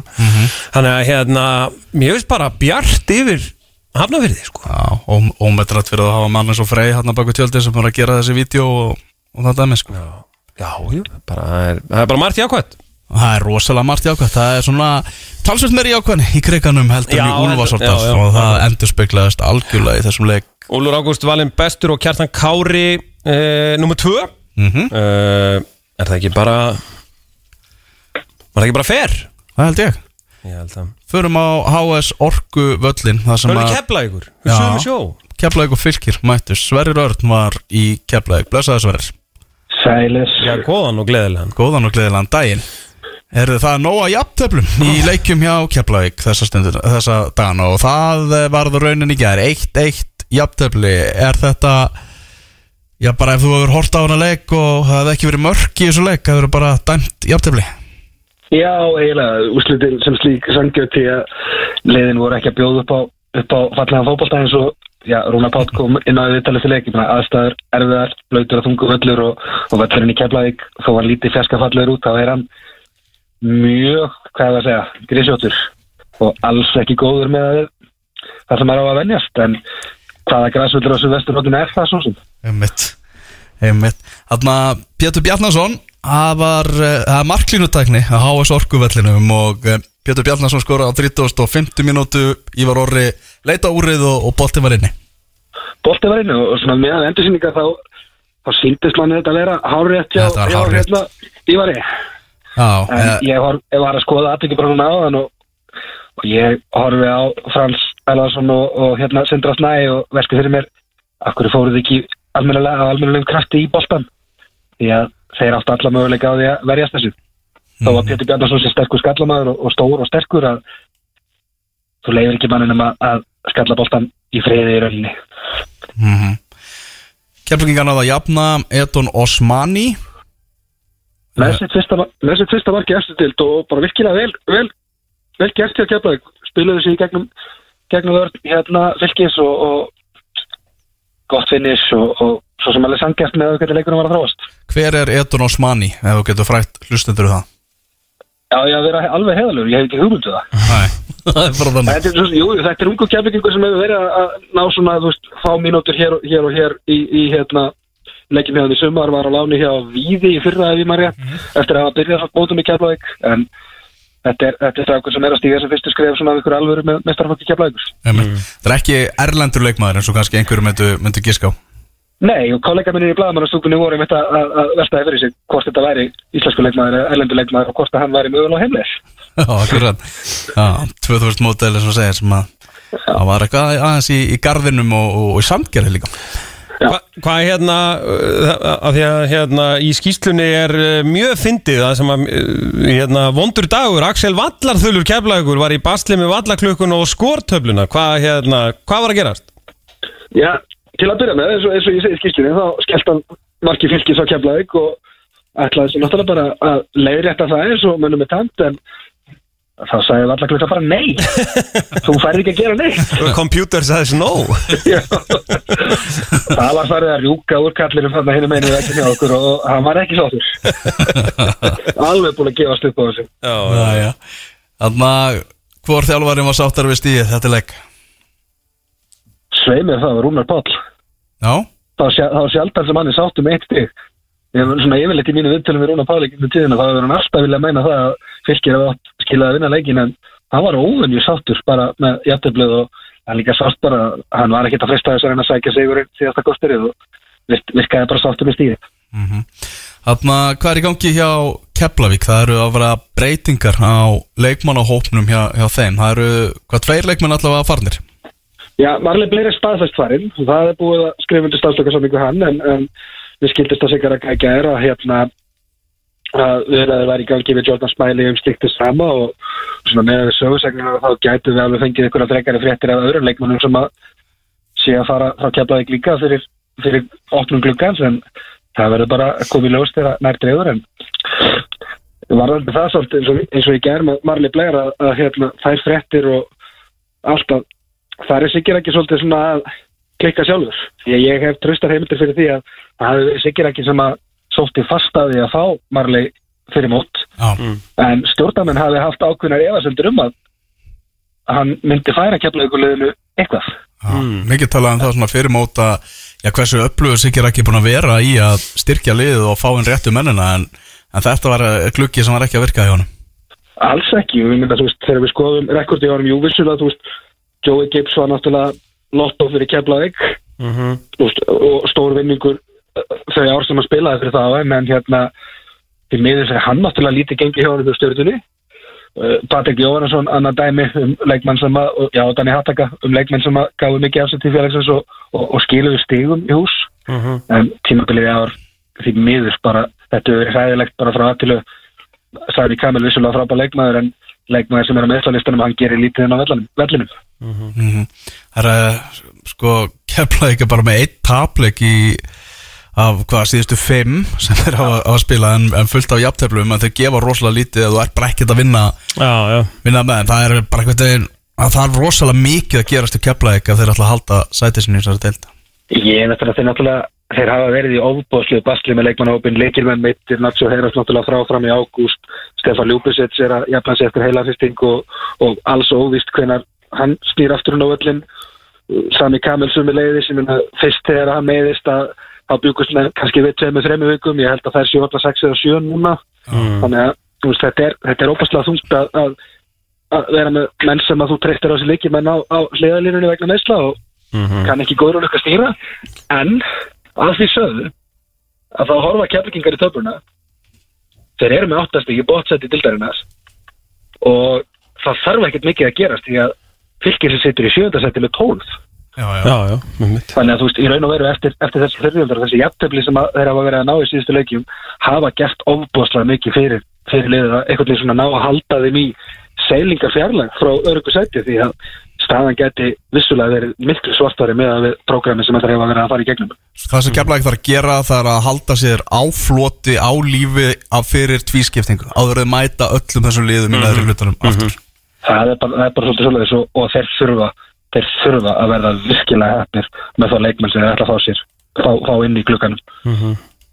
Já, það er bara Já, Já. þú sikir ekki á, á væntalega ekki tvo slæma glugga, sko Nei, ma maður svona reiknar ekki með því en, en svona einhvern veginn áran yfir keflavíkuliðin er svona, þú veist, það, það vantar óbúslega mikið sjálfstyrstu liðið Já, og ma maður sá það alveg leikum í gerð, þeir voru betra höfð út á velli mm. en þegar þeir nálguðust tegina þá einhvern veginn virkuðu menn bara litlir í sér og bara voru ekki tilbúinu til þess að gefa þetta örlítið ekstra til þess að koma bóltanum fyrir maskið á rétta staði og, og skora mask Mhm. Já, já, þannig er þetta, þannig er þetta. Eitthvað að Já. lokum frá Suðurnesunum, Sverrir?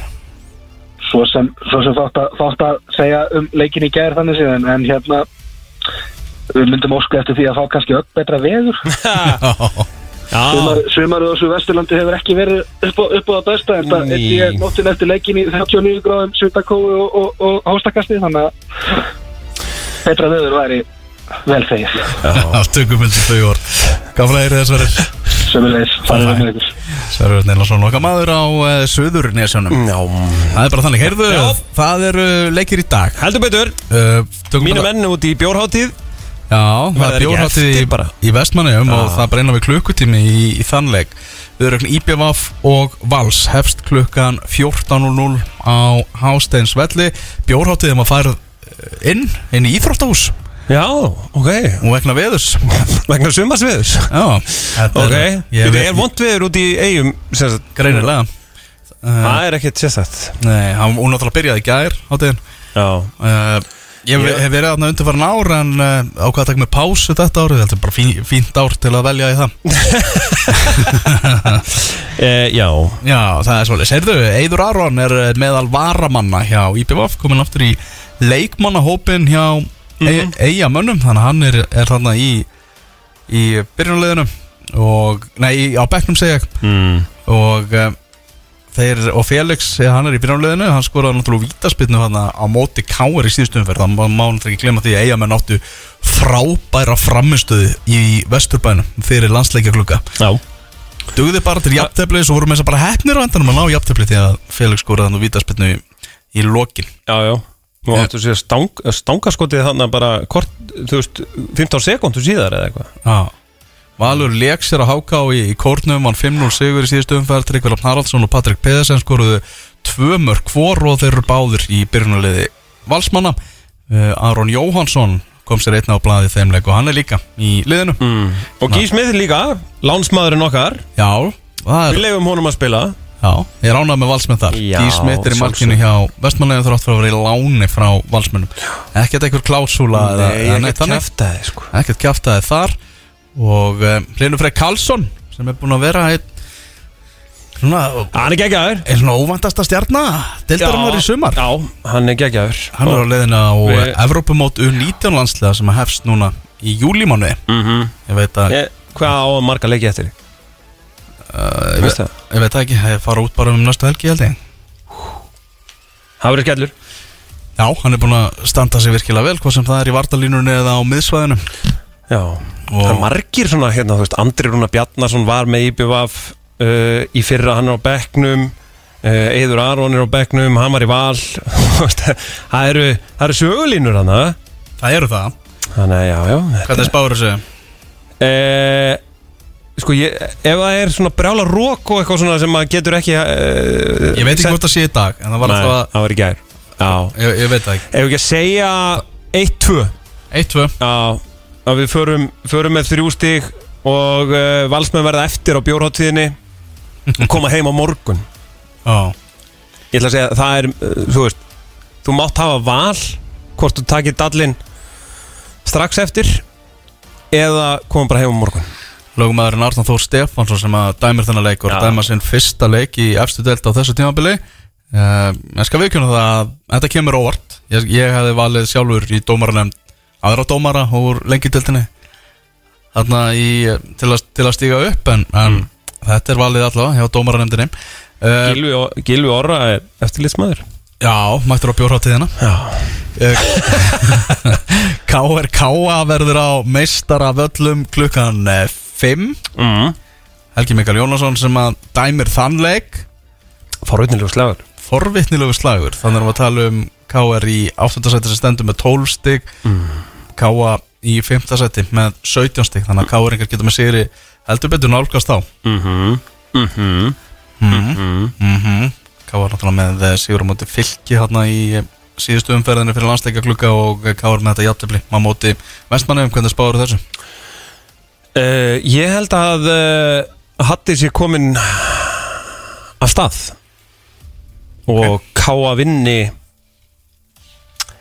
ég ætla að segja 1-0 1 og sigur KA Já. á meistarvöllum Mestaraföllunum er þetta ekki mikið að gefa káringum Þannig að þessu úrslit kemur ekkert á óvart Víkingur stjarnan er eh, kvöldleikur á lögatars kvöldi á Víkingsvelli Það Frábær- púptöskuna. Já, frábær leiktími í alla staði en tímin er uh, ekki réttur að hafa kvöldleik.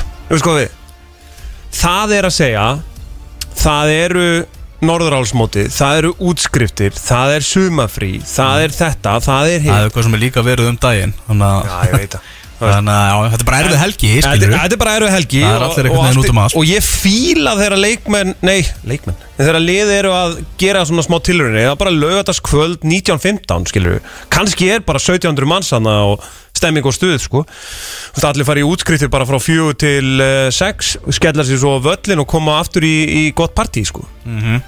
Og ég held að fá svogurinn uh, Yði af lífi af uh, hérna útskriftar nemum í kvöld. Mhm, Þannig að ég held að hérna verða alveg vel uh, mætt og uh, púptöskurnar góðu fljúi út. En hvernig fer leikurinn? Herðu, hann fyrir 1-1 Hann fæði rétti Það er þannig uh, Nikola Hansen skorar, Það er rántið hann er í banni. Hann er í banni. Já, Þá ætlum ég að segja Þá ætlum ég að segja Hvernig á ég að segja? segðu bara Birnir. Já, Já, já. Hann skora snemma, snemma leiks. Svo hérna, svo tók sko vatnhamarinn, hann tók 290 og, það verður, hann verður, það verður þungi yfir honum á svona 88 og þá kemur hérna uh, ungliða lestinn frá stjórnunni og, og hérna, þeir eru sprækari og skora á svona 88 Mhm. 1-1 eitt. Eitt, eitt eitt Enda leikar ég get uh, á ég að skrifa skýsluna núna Heyrðu, við vindum okkur aðeins yfir í uh, úrslitin í lengju deildinni Förum aðeins svona bara nokkuð hratt Er ekki kaffipása? Hvernig er það? Það Ég kemur á eftir, áður kemur á Hannesi Við það er svo mikið eftir sko Já, við, já að því að við byrjuðum náttúrulega aðeins of Við Já, byrjuðum við óvænt. tróðum en dagskrálið Já, ok Tekið það mig, alls það leik Já. Áfram gag Þú fær kaffi hérna rétt á eftir, enga, Já. engar á okkur Eru þarna, fyrir maður sér í lengjudeldina Það var uh, leikir þarna sem hafa farið fram í uh, vikunni. Mm Og uh, já Byrjum bara í gær Það sem að leik, leiknir og afturölding gerðu 2-2 jafntefli. Afturölding Náttúrulega á toppi deildarinnar En þá ósigrað. Mm. Eh, Ósigrað er afturöldinga, afturöldingamenn Og það var Daniel Finns Mattiásson Sem eins og var kom leiknismönnum yfir á 20. mínútu leiksins Það var 1-0 fyrir leikni í háleik Eh, Elmar Kokits, hann jafnaði á 48. mínútu Arnór Gauti kom síðan afturöldingu yfir á 69. mínútu og þá heldur kannski margir að afturölding myndi klára þetta eftir það Arnór Gauti búin að vera náttúrulega fun heitur Mhm. uh, upp, á, upp á síðkasti leikmaður umferðarnar í, í síðustu umferð þar sem að hann raðaði mörkunum Já, já en Daniel Finns Mattiasson sem valið var maður leiksins hann jafnaði aftur bara, mínútu síðar. Já, skor hann ekki bara strax á eftir og við tók svona spennandi loka kaplið þar sem hvoru liðinu tókst að skora. Mm. þrátt fyrir afturrætning að vera miklu meira með boltan í þessu leik þá voru leiknismenn alltaf hættulir þegar þeir fóru fram og, Ok. og svona þegar hortir á góð færi þá voru þau ekkert færri hjá leiknismennum í þessum leik. Já. Ok. En stigasöfnunin hæg hjá breyðhildingum Já. Uh, bara sigur í, í fyrstu umferð búin að koma núna tveir jafnteflisleikir í röð og það er ansi mikilvægur leikur á móti vestra á Ísafjörði sem verður á miðvíkudaginn Ú. Bæði liðin með, með er fimm stig og, og bara leiknir að fá á sig allt og mikið á mörgum er búin að fá á sig 17 mörgur að fá á sig allt og mikið á ódýru mörgum varnarleikurinn lítur illa út. Mm. og það er eitthvað sem þarf að laga og hið snarasta. Uh, afturöldinga menn hins vegar svona ná, súsætt úslit stöðvuðin og þetta stöðvaðast þessi sigurganga hjá þeim. Mm. en stig á útivelli í, í, í gettóinu. Já. Maggi að snúa aftur heim. Allt, já, algjörlega. Og með fleiri í þjálfarateiminu sem hafa verið þarna í breiðaldirum Já. En þetta, já, nú er staðan þannig að fjölunir getur jafnað afturöfning á stigum á toppideldarna þeir eru að fara að mæta vestra núna klukkan 2 mm. og síðan skal ég segja ykkur það, kæru hlustendur að á 50 dagskvöld er viðurregn afturöldingar og fjölunis á Malbyggstöðuna varma á ég veit að það, ég talaði eins við Arnur Götta í gær og það er nutt fólk getur að fara í nutt yfir leiknum. Aha, vá Þetta er bara topp slagur og tvö virkilega góð lið sem eru að fara að mætast í Mósesbænum á 50. kvöld Já, Þannig að ég uh, sammála Arnur Göti því. Við viljum sjá sko bara Pepsi eða be bestu deildar mætingu á, á þennan leik. Já. Hefur að fara? Ég er með, förum? Er það ekki? Er það ekki bra? Ég held að ég sé laus. Ég er líka að þarf, það þarf að komast í nutt sko. Herru, ég ætla ekki að fara með þér í nutt En hérna, ég skal fá mér bjór með þér og Já, já, Ég meina að Matildur er komið með bílpró Sko, hún skutlar okkur bara. Já, að Við getum verið bara blindfullir hérna. Hittað upp á lákanum og Já, skrifa á Magga og Baldvin og alla saman. Alla saman, sko.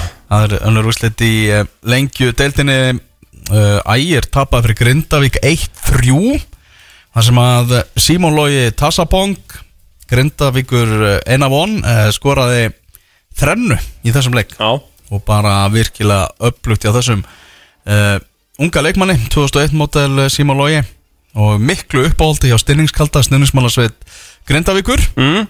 og uh, þetta var svona já, mjög svona ægislegur leikur, þeir, þeir gefa öllum leik já. en ná ekki að koma þessu yfir línuna. Erfiðar aðstæður, Já, var ekki eitthvað rók og rigning og já, rók og rigning og viðbjóður. Já, ég held að þeir hafi verið ansi sáttir við að fara með þrjústik úr Þorláksöfninni í, í þessum leik grindvikingar uh, Þróttarar flottir á móti grótt unnu verðskuldaðan 2-1 sigur voru í miklu stuði í þeim leik og einhvern veginn komu gróttumenn í, opna skjöldum. Mm. og uh, gró, gróttan náði bara litlum takti í sinn leik og Chris Brasel þjálfari, hann var greinlega ekki sáttur hann bara rauk hann strax og flauta til leiksloka á þess að taka í höndin á nokkru manni og var ekki fáanlegur í viðtal einu svona eftir leik. Mm. að aðeins að ná að stilla sig betur þessi, þessi áhugaverði þjálfari. En uh, von tap fyrir gróttumenn sem að ætluðu sér meira. Já. Mm en það er alltaf þessi þessi, þarna, það er þessi úrslitakjarni Já, já. En þróttarar þeir heldur betur. Heimilífandi eftir að hafa tapað þessum leik hann á móti skagamönnum. Já, talandi um skagamenn e, Þú veist, hérna Vilja þeir hafa púlsinn í 200 Allan tíman eða? það er ógeðslega fyndið einhvern veginn að Því að, hérna uh, Ég kíkti á þetta í gær, þá var bara eitthvað 3-0 Og bara, já, uh, bara svo, bara gott og gleðilegt sko. 3-0 í háleik Já, já, bara til hann ekki með það og eitthvað hannig Og svo hérna kíkti ég þannig að setjum kvöldi þá var bara eitthvað fjögur þrjú. En þeir unnu allavega. Já, er unnuð, þrjú stig eru þrjú stig Það skiptir einhver máli hvernig það gerist sko. og þeir eru konum með nýju stig í síðustu þremur leikjum. Já, já. Vissulega Marka, Markatöluna 260 eða eitthvað. En vissulega þú veist, þetta, eru nýliðatnir og síðan núna selfisingar, þetta er ekki sterkustu liðin í deildinni sem þeir eru að ná að vinna. Nei. En með því að sapna þessum nýju stigum þá eru þeir bara skyndilega komnur upp í þriðja seti í deildinni Pældi Ná, ég pæli Sko, já, já, ég var að svara Mattil hérna fyrir, ekki Hérna, sko, afturvelding uh, er með 20 stig. Fjölnir 17 Ía 14 því sko, Fjölnir á leik, og- leikinu mæti vestra í dag. Já, fjölnir á leikin Já, og geta farið í 20 líka. Uh, Skagamenn og grindvíkingar sem eru svona liðin sem að við vorum kannski eða, þú veist, allan að ég var svona mm, þú veist, eins og Skagamenn sækja Arnór Smára þú veist, Last Dance og komin í gulutreyjuna og ég hafði alveg bullandi trú á Skagamenn ég hef svo mikla trú á hérna, Jóni Þjálfara. Ok, veit ekki út af hverju sko. Nei. mér finnst hann bara svo mikil toppmaður að hérna uh, ég hafði alltaf trú uh, þannig að hérna ég held bara að afturhelding var ekki komin alveg svona langt í sinni uh, þú veist í sínu verkefni sko. þannig að hérna uh, og ég einhvern veginn bara glimti fjölni sko. Já.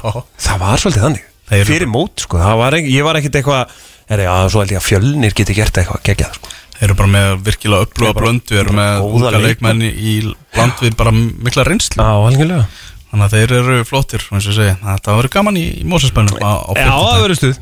Og uh, en, en er sko, hérna hvernig finnst þér svona þú veist allir byggust náttúrulega við að Grindavík myndi bara einhvern veginn bara búm, rúlla upp þessari deilkomi Helga og Já. konum með alla þessar ég leikmenn bjóst ekki við því bara eftir að fyrst með um undirbúrstíðabilinu Ok, og svo byrjaðir, þeir byrjaði samt vel Mér veist aðeins búið að hægjast á þeim eða hvað Já, þetta er búið að vera svolítið svona köplót Mm. hjá þeim og lenda, máli er að þeir hafa lendi í miklum skakkaföllum. Já, já, já. Þú veist- það verður ekki tekið að þeim. Já, já, og það vantar bara þeirra bestu leikmenn. Þú veist, um daginn, það var- þú veist, á móti fjölni það vantaði Gauja Lýðis, það vantaði Óskarun Haugsson það vantaði Sigurún Rúnarsson í, í vörnina þú veist, Já. Dagur Austmann meiðist og, og, og, og allt það. Þannig að þeir hafa Helgi hefur ekkert mikið verið að afsaka sig. Nei, nei, nei, Ótta, en ok. þetta er búið að vera rosalega skakkaföll hjá líkilmönnum Já, og, og, grind, og eins og ég hef sagt, grindaugulið er ekta þannig lið, þeir fara kannski, þú veist, í þessu úslitakeppni og bara taka hana léttilega. Já, já, já bara á, á reynslunni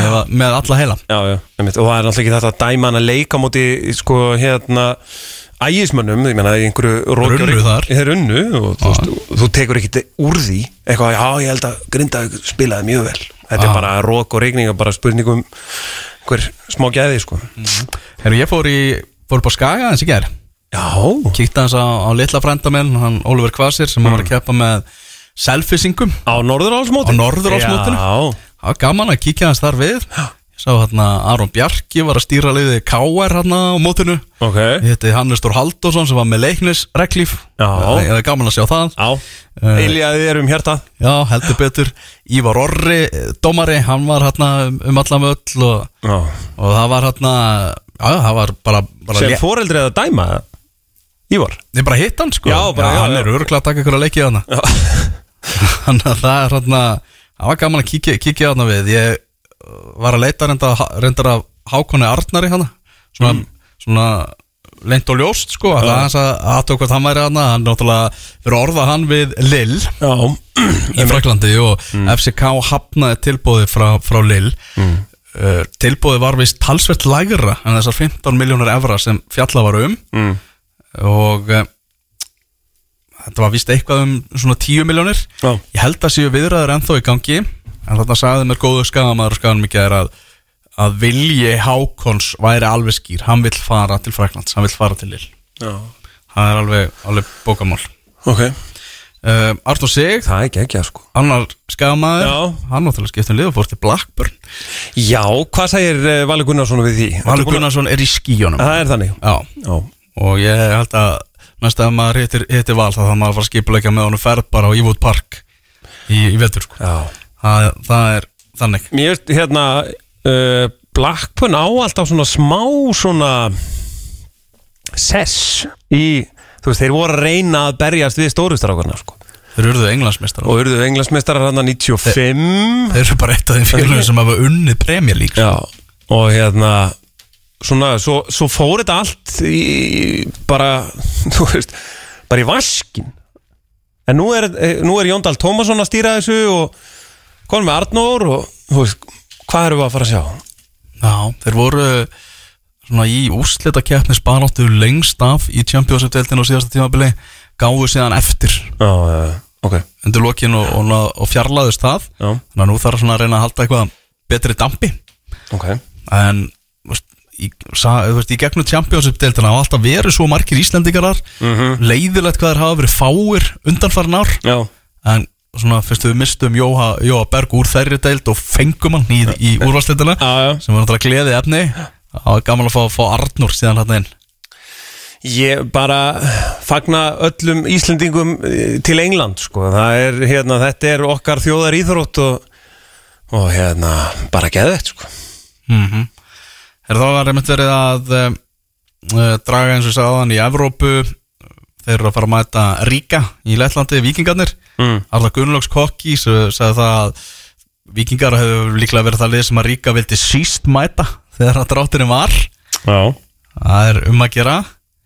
Já, já, ég meina, akkur ekki? Vera Já, bara smá Þú veist Vera bara smá kokki.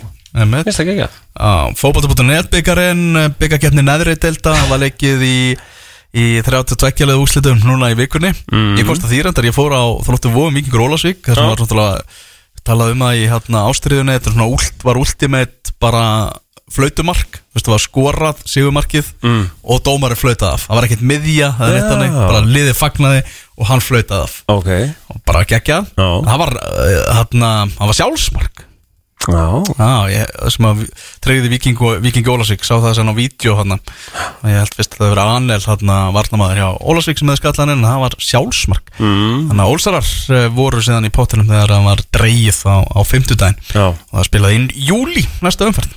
Já, hvernig hérna, ég meina fótbolti.net byggarinn, þetta er ný keppni uh, Svolítið skrítið svona, hvað svona stóru miðlarnir er alltaf einhvern veginn að dángreita þetta Þetta ekki fótbolti.net byggarinn? Já, það er eitthvað smá minnum áttakjandi í ákveðnum fjölmjölum Mér finnst það mjög fyndið uh, og bara skam á það og bara uh, hallarislegt uh, í allastæði Það er smá kjánalegt. Já, svo litið sko. En hérna, hvernig svona er stemmingin á skrifstofunni fyrir þessu? Gríðarlega Er það ekki? Jú, jú, bara finnur það líka bara hjá, hjá þessum klúbum sko, sem Já. er að taka átt þessu. Bara þetta er, eins og sagt, þetta er partíkefni Já. Og úslitaleikurinn á lögadalsvelli í september. Fáum við Tommi að vera fjóruðdómarar? Þú veist, megum við vera Þú veist ve- Varstu búin að koma að staði? Að því að Það er verið að fara í efstu hillur í, í dópkjæslinu Ég veit það Já. og ég held að við séum líka í efstu hillu sem fjóruðdómarar sko. Já, jú, við skulum skoða það. En þú veist, Ég þyrfti að vera Ég gæti tekið Arnar uh, frænda minn, dómara verið með honum. Þú veist, ef að dómara myndi meiðast þá myndi hann fara inn á að ég gæti nú ekki held ég hlaupið í 90 mínútur sko.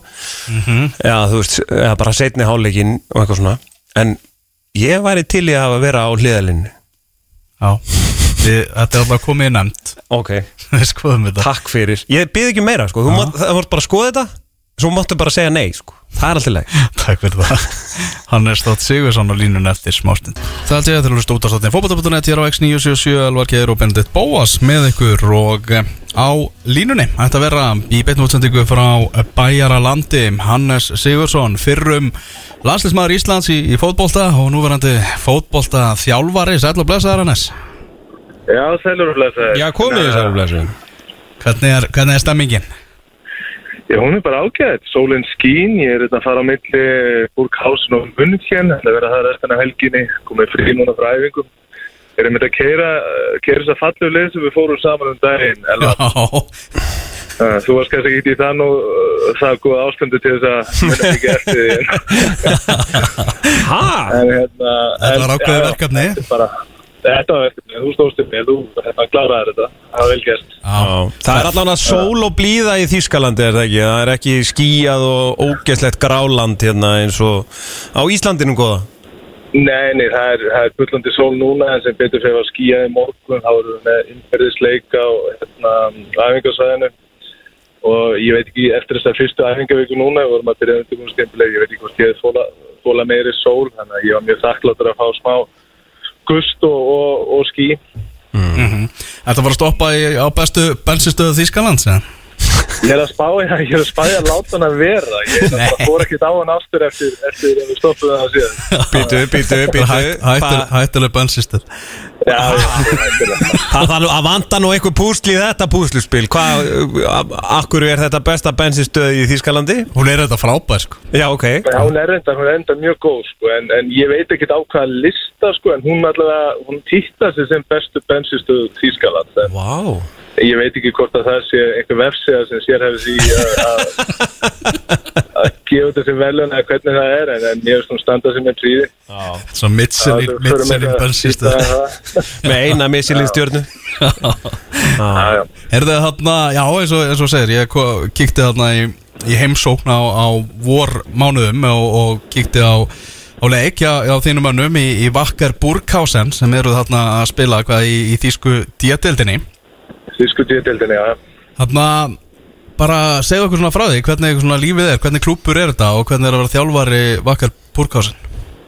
Já, um, sko þetta er, þetta er félag sem að ávans í góða sögu, þeir eru búin að vera held ég á síðustu 20 árum, líka 5 ári búndislíku 2, önnur 8 í búndislíku 3, eru núna það sem voru áður fyrst, þess að í, í fjóruða eftir deild, um, frábær aðstæða, það er alveg aðeinslegt að geta unni sína vinnu þarna, um, en stærð félagsins er kannski ekki alveg í samengi við stærð bæjarins. Þetta var stopnað af, af mjög stóru fyrirtæki sem er eiginlega batterið sem heldur þessum hluta kannski Súðu Þýskalands í í gangi og hér áður fyrir þá var, þá var mikið bælt inn í, í félagi en það eru breytið tímar og, og hérna félagi þú veist að sniður svolítið stakka eftir vexti hvað það var það, það, það var kannski ekki sama innspyttingu áður. Mm. um, og já, já, þetta er, þetta er bara hörsku deild líka, þetta er mjög góð deild að vera í þannig séð, líka fyrir mig akkurat eftir, eftir þau ásí og búin að vera í Þýsland að koma hingað og, og geta unni við, við þessar aðstæður og einbytnir hérna, algjörlega aðþjálfunni það er bara búið að vera mjög lærtumsvíkt og, og gefandi hingað til. Þarna, þetta eru alvöru, eins og segir, það eru flott aðstæða þarna og það er heldur betur uh, heitir stuðningsmenn sem að, sem að þetta, þetta félag á. Það eru, það er hérna verð stutt við, við bakið á okkur. Já, heldur betur, þegar þú kynntist því nú aðeins að hérna, þeir eru mjög góðir sko, þeir eru alveg í blíð og stríða með okkur og hérna, það er oft þannig eins og, eins og ég var hlustin mitt á, á hérna, viðtal við hann Emil hann sem hann var að útskýra hvernig þetta er að víta, þetta er ekkert mjög frábröð því hér, um, við, við þurfum að fara til þeirra eftir hvern einasta leik og annarkvort er það rós og fagnaðalæti eða það er lesið yfir hausamóttum og mönnum. Stundum sko, þeir eru náttúrulega, þeir vilja hafa gaman og, og kannski er fókusin ekkert í 90 myndir endilega á leiknum. Og þá er svona þá er hérna stundum kannski þegar menn eiga hróstíli þá er hraunað og stundum þegar á að hrauna þá er hrósað en, en ég er í góðu bandi við það og tala oft við það og ég er svo sem verið ósattur með það í báðar áttir sko, það var einhver tíma þá, þá raunuður yfir liðið mitt og svo fór ég að hitta það á eftir og ég sagði bara þetta, þetta stendst enga veginn sko. og svo stuftur setna þá áttu við alveg ríkalega leik og, og þá voru þeir alltaf eins og jákvæðir, ég botna ekki því en, þá fór ég á samanskapi þér og ég sagði við það hvað, þið geti ekki verið að hérna, þið geti ekki verið að halda þessari línu, þá verður þið að, að láta menn heyra þegar menn ekki að skilja Já, en það, það samtar hefur sem alveg gengið vel og, og þeir vilja þetta bara sem sagt, sjá, sjá framistu að menn sé leggja sér fram svona eh, kannski óhagð því hvaða bolta er að spila eða kannski fagurfræðin ekkit endilega í fyrsta sæti en, en menn þurfa að gefa sér fyrir, fyrir félagið og þá þá eru þeir yfirleitt nokkuð sáttir. Já, hvað hérna, þú ert með sko Þú ert með austuríkismann og gríkja og króata, svistlending uh, og einn japana og einn tyrkja. Allar að geta að fara að sækja Íslandinga? Já, þú er nú reyndar eitthvað með einhvern gamla lista held ég Já, getur vel verið Uh, ég er enda, jú, jú, við erum með, við erum með nokkuð fjóðni hérna. Allar að geta að fara að sækja yfirleitt- Íslandinga? Ég veist að það væri bara mjög, mjög skemmtilegt að gera það einn daginn. Já, Uh, en ég held að, sko, ég held að hafa svolítið líka með það að gera þess að kannski frambúð á leikmunum hér. mm. Utan það að launakostnari þarf ekkert að vera jafn hár hér eins og heima. Um, já, þá, þá er það kannski ekkert alltaf raunhæft ef maður, maður sé góða leikmann heima að, reyna að draga eitthvað út um, að því launin eru kannski mjög herri þó að það sé náttúrulega miklu dýrar að búa heim að, þá er þetta kannski á öðru basi sko. við, við reynum að hafa þannig við erum með tölvöld útlið ég held að elsti leikmaður minn sé þrítur mm.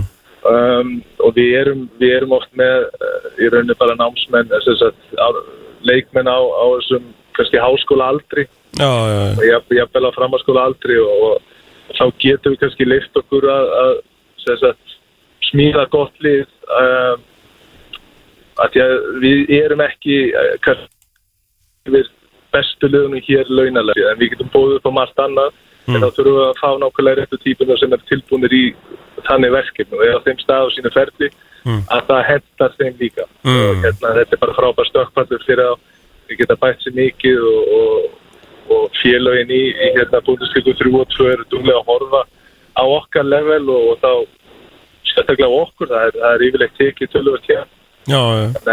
Menn, átt að sjá því og, og sjá það og, og það er yfirleitt það sem silur kannski frekar en launin. Þegar maður er að tala um íslenska leikmann, jú, jú, það getur þetta gengið en, en, en það er kannski á allt öru svona, allt öru launalegu basis heldur en kannski vikingst heima. Ég held að líka út fyrir ákveðin sem er smörk hvernig, hvernig það er á á Íslandi já. Mhm. Þannig að þú ert að fara í þitt annað uh, svona heila tímabil með, með Vakar Burkás en ég sá það á Facebook-stöðunni á okkur og það er bara Prísisson farið á fulla ferð uh, bara hvernig horfir á, á, á síðasta tímabil? Sko þetta var, þetta var, þetta var mjög, sem ég sagði á þetta var mjög lærdomsveikt tímabil síðast þess að síðasta árið um, ég tek sérst við liðið sem að enda í þriðarsæti um, átti bara í rauninni mjög sterk tímabil en þegar ég tek við þá missum við rauninni tíu tíu leikmenn sem að væru kannski tíu af 15 bestu leikmennum það tímabil. Þannig að við þurftum svolítið að fara í ákveðna vinnu í að byggja bara upp nýtt lið. Og þetta er það er gríðarlega langt mót, þetta eru 38 leikir í deild og, og hérna Wow. við áttum fasa, við áttum fasa þar sem að við vorum tapur sér eftir við tóleikir í röð og svo áttum við líka neysla fasa þar sem að við töpum fjórum í röð og Þannig að þetta var svona ákveðin, ákveðin rússi bani með lið sem að við vorum að smíða í rauninni bara á meðan að tímabilinu stóð. Um, og þar sá maður ímislegt komið ljós og, og það lærði ég líka á, á kannski bara á þeim mistöku sem að ég gerði. Þannig að ég var kannski svolítið stundum að einblina á að, að bæta veikleika í stæðan fyrir að fókusera á, á hérna, þau gæði og, og, og kannski kannski það jákaði sem sem að við vorum með í okkar hóp. Og á þessu tímabili, ég á nú vonast þess að eru ekki svona mikla breytingar eins og fyrra, það, það bara tekur á að, að, hérna, að, að breyta mikið um, um leikmannahópin en, en við þurftum að við þurftum að gera það. En í þetta skipti var það meira kannski okkar fórsendum þegar ekki í fyrra þá voru, þá voru leikmenn að fara herra sem við höfum endilega vilja halda þannig að við erum, við erum að gera þetta en við vitum núna nákvæmlega hvað leik við ætlum að fara og hvernig við viljum gera það og, og við erum losuðum okkur einmitt núna við eh, annarkvort mistum eða losuðum okkur við 14 leikmenn sem er helviti há tala Wow. en, en hérna að þetta, þetta er svona þetta verður svona smá púls til þess að byrja með en, en það er, getum orðað þannig að vegferðin er klárari fyrir þetta tímabil. Um, og hvernig verður, hvernig verður staðið að öllu og hvernig verður spila við pröfum ímislegt í fyrra. Ég nota það tímabil svolítið í það og var alveg tilbúin í það að sjá hvað gengi upp og, og hvað gengi ekki upp. Og, og núna, núna náttúrulega að reyna að byggja á það, það var ágætt. Þetta var vendun í sjúnda sæti af 20 og vorum með þriðju bestu vörnina og, og það var fullt af jákvæðum, jákvæðum hérna, punktum frábær úrslit á móti bestu liðunum, myndi ég segja. Og meðan við vorum kannski að ströggla á móti þeim sem við hefum átt að taka þrjústíð þannig að, þannig að við erum með svona ákveðna myndaði hvað við ætlum að gera núna. Og, og hérna ég get bara ekki beðið, það er mánuður. Augna blik ekki mér, getur aðeins ástu mín. Já, ástu mín, þetta er smástund. Afsakið þetta. Allt Finnst það í alveg. góðu, þetta er, þetta er lifandi útvarp og, Og fjölskyldu þáttur Þetta er hluta. Já, Það er hérna um, Já, eins og ég var að segja það er núna tæpa mánuður í mót og byrjum fyrsta leik á, á varulegi bæði munnkina heimaður þannig að það er allir fókus á það akkur núna já, já. Okay. Hvernig er svona lífið í Þýskalandi svona því að þú ert nú komin uh, við, við erum komin á fjölskyldu nóturnar uh, hút með börn Já. greinilega og hérna svona hvernig er lífið hvernig er lífið í Bæjarlandi Það er yndislegt, ég kom nú víða við á mínu ferli og, og hérna, það er kannski erfitt ofta að bera saman kannski lífskeiðin í Skandinavíu við eitthvað annað því að það er bara gott að vera það er á Íslandi og, og í Nóri og Svíþjóð og, en hérna eftir, eftir freka langa eða langt ferðalega, við getum orðað þannig alveg frá Kasastan og gegnum Rúsland og öll þessi lönd þá, þá finnst mér bara einfallega lífskeiðin hér vera frábær. Já, hvort sé hérna, hvernig, hvernig er uh, hvernig öll er háftað hérna? Við kynni það, mér er kannski bjúrokratjan aðeins svo mikil en, en það hefur sína kostið svo sem en, en hvað, hvað var það sem sagt? Bara kultúrin hérna og, og náttúruna og menninguna og, hérna, og mat og drikk og getum spurt alveg út í það. Já, já, Já, allt í topplæði þar. Já, já, þetta er bara, það er frábært að vera hérna og, og ég tel mig bara mjög lánsaman að hafa að hafa hérna nú. Já, Já, hann kerði gegnum göng. Hann gerði gegnum göng. Við reynum að ná í hann aftur sko. Byttu, byttu Já, ég nú heyri í ykkur. Hanna, göngin búinn Já, ég þetta er bara, ég held þetta að það verið að gefa okkur eitthvað signal. Ég er akkurat að kera hann í bensinstöðinni frægu núna Og óljós skilabóð Já, þarna. Já, akkurat. Eh, Já, þú varst náttúrulega Og Búrgásin náttúrulega akkurat við landamærin hérna við, við Austuríki Já, þetta er, staðsendingin er æðislega Við erum, við erum 45 minútur suðu til um, Salzburg uh, klukkutíma vestur til hérna til München og eins og þú segir, alveg við, alveg við landamærinu, yfirleitt ég fyrir út að skokka, þá skokka ég bara yfir eina brú til Austuríkis og svo yfir aðra aftur til Þýskalands og, og, og svona, þetta er bara, þetta er æðislegt að vera þetta, þetta er bara frábært, ég get ekki, get ekki kvarta yfir eina en einu. Mm. En svo segir þú uh, smakkar á öllu í, á þínum leikmannaferli mjög áverða leikmannaferli sem náttúrulega hófst í, í kriganum hjá, hjá F-áingum var það bara, þú veist, láða bara beint við að þú myndir fara út í þjálfun þegar ferlinum lög Nei, ég myndi nú segja að að það var eiginlega akkurat anstæðan um, og það hafði kannski ákveðið að gera með minn feril, það var ekki það ég væri ekki kannski áhuga samar eða elskaði ekki knaspið en, en uh, ég var á sama tíma, ég var alltaf að punkta niður hjá mig hluti frá öllum þjálfurum en ég hafði samt engan áhuga að fara eitthvað í þjálfun.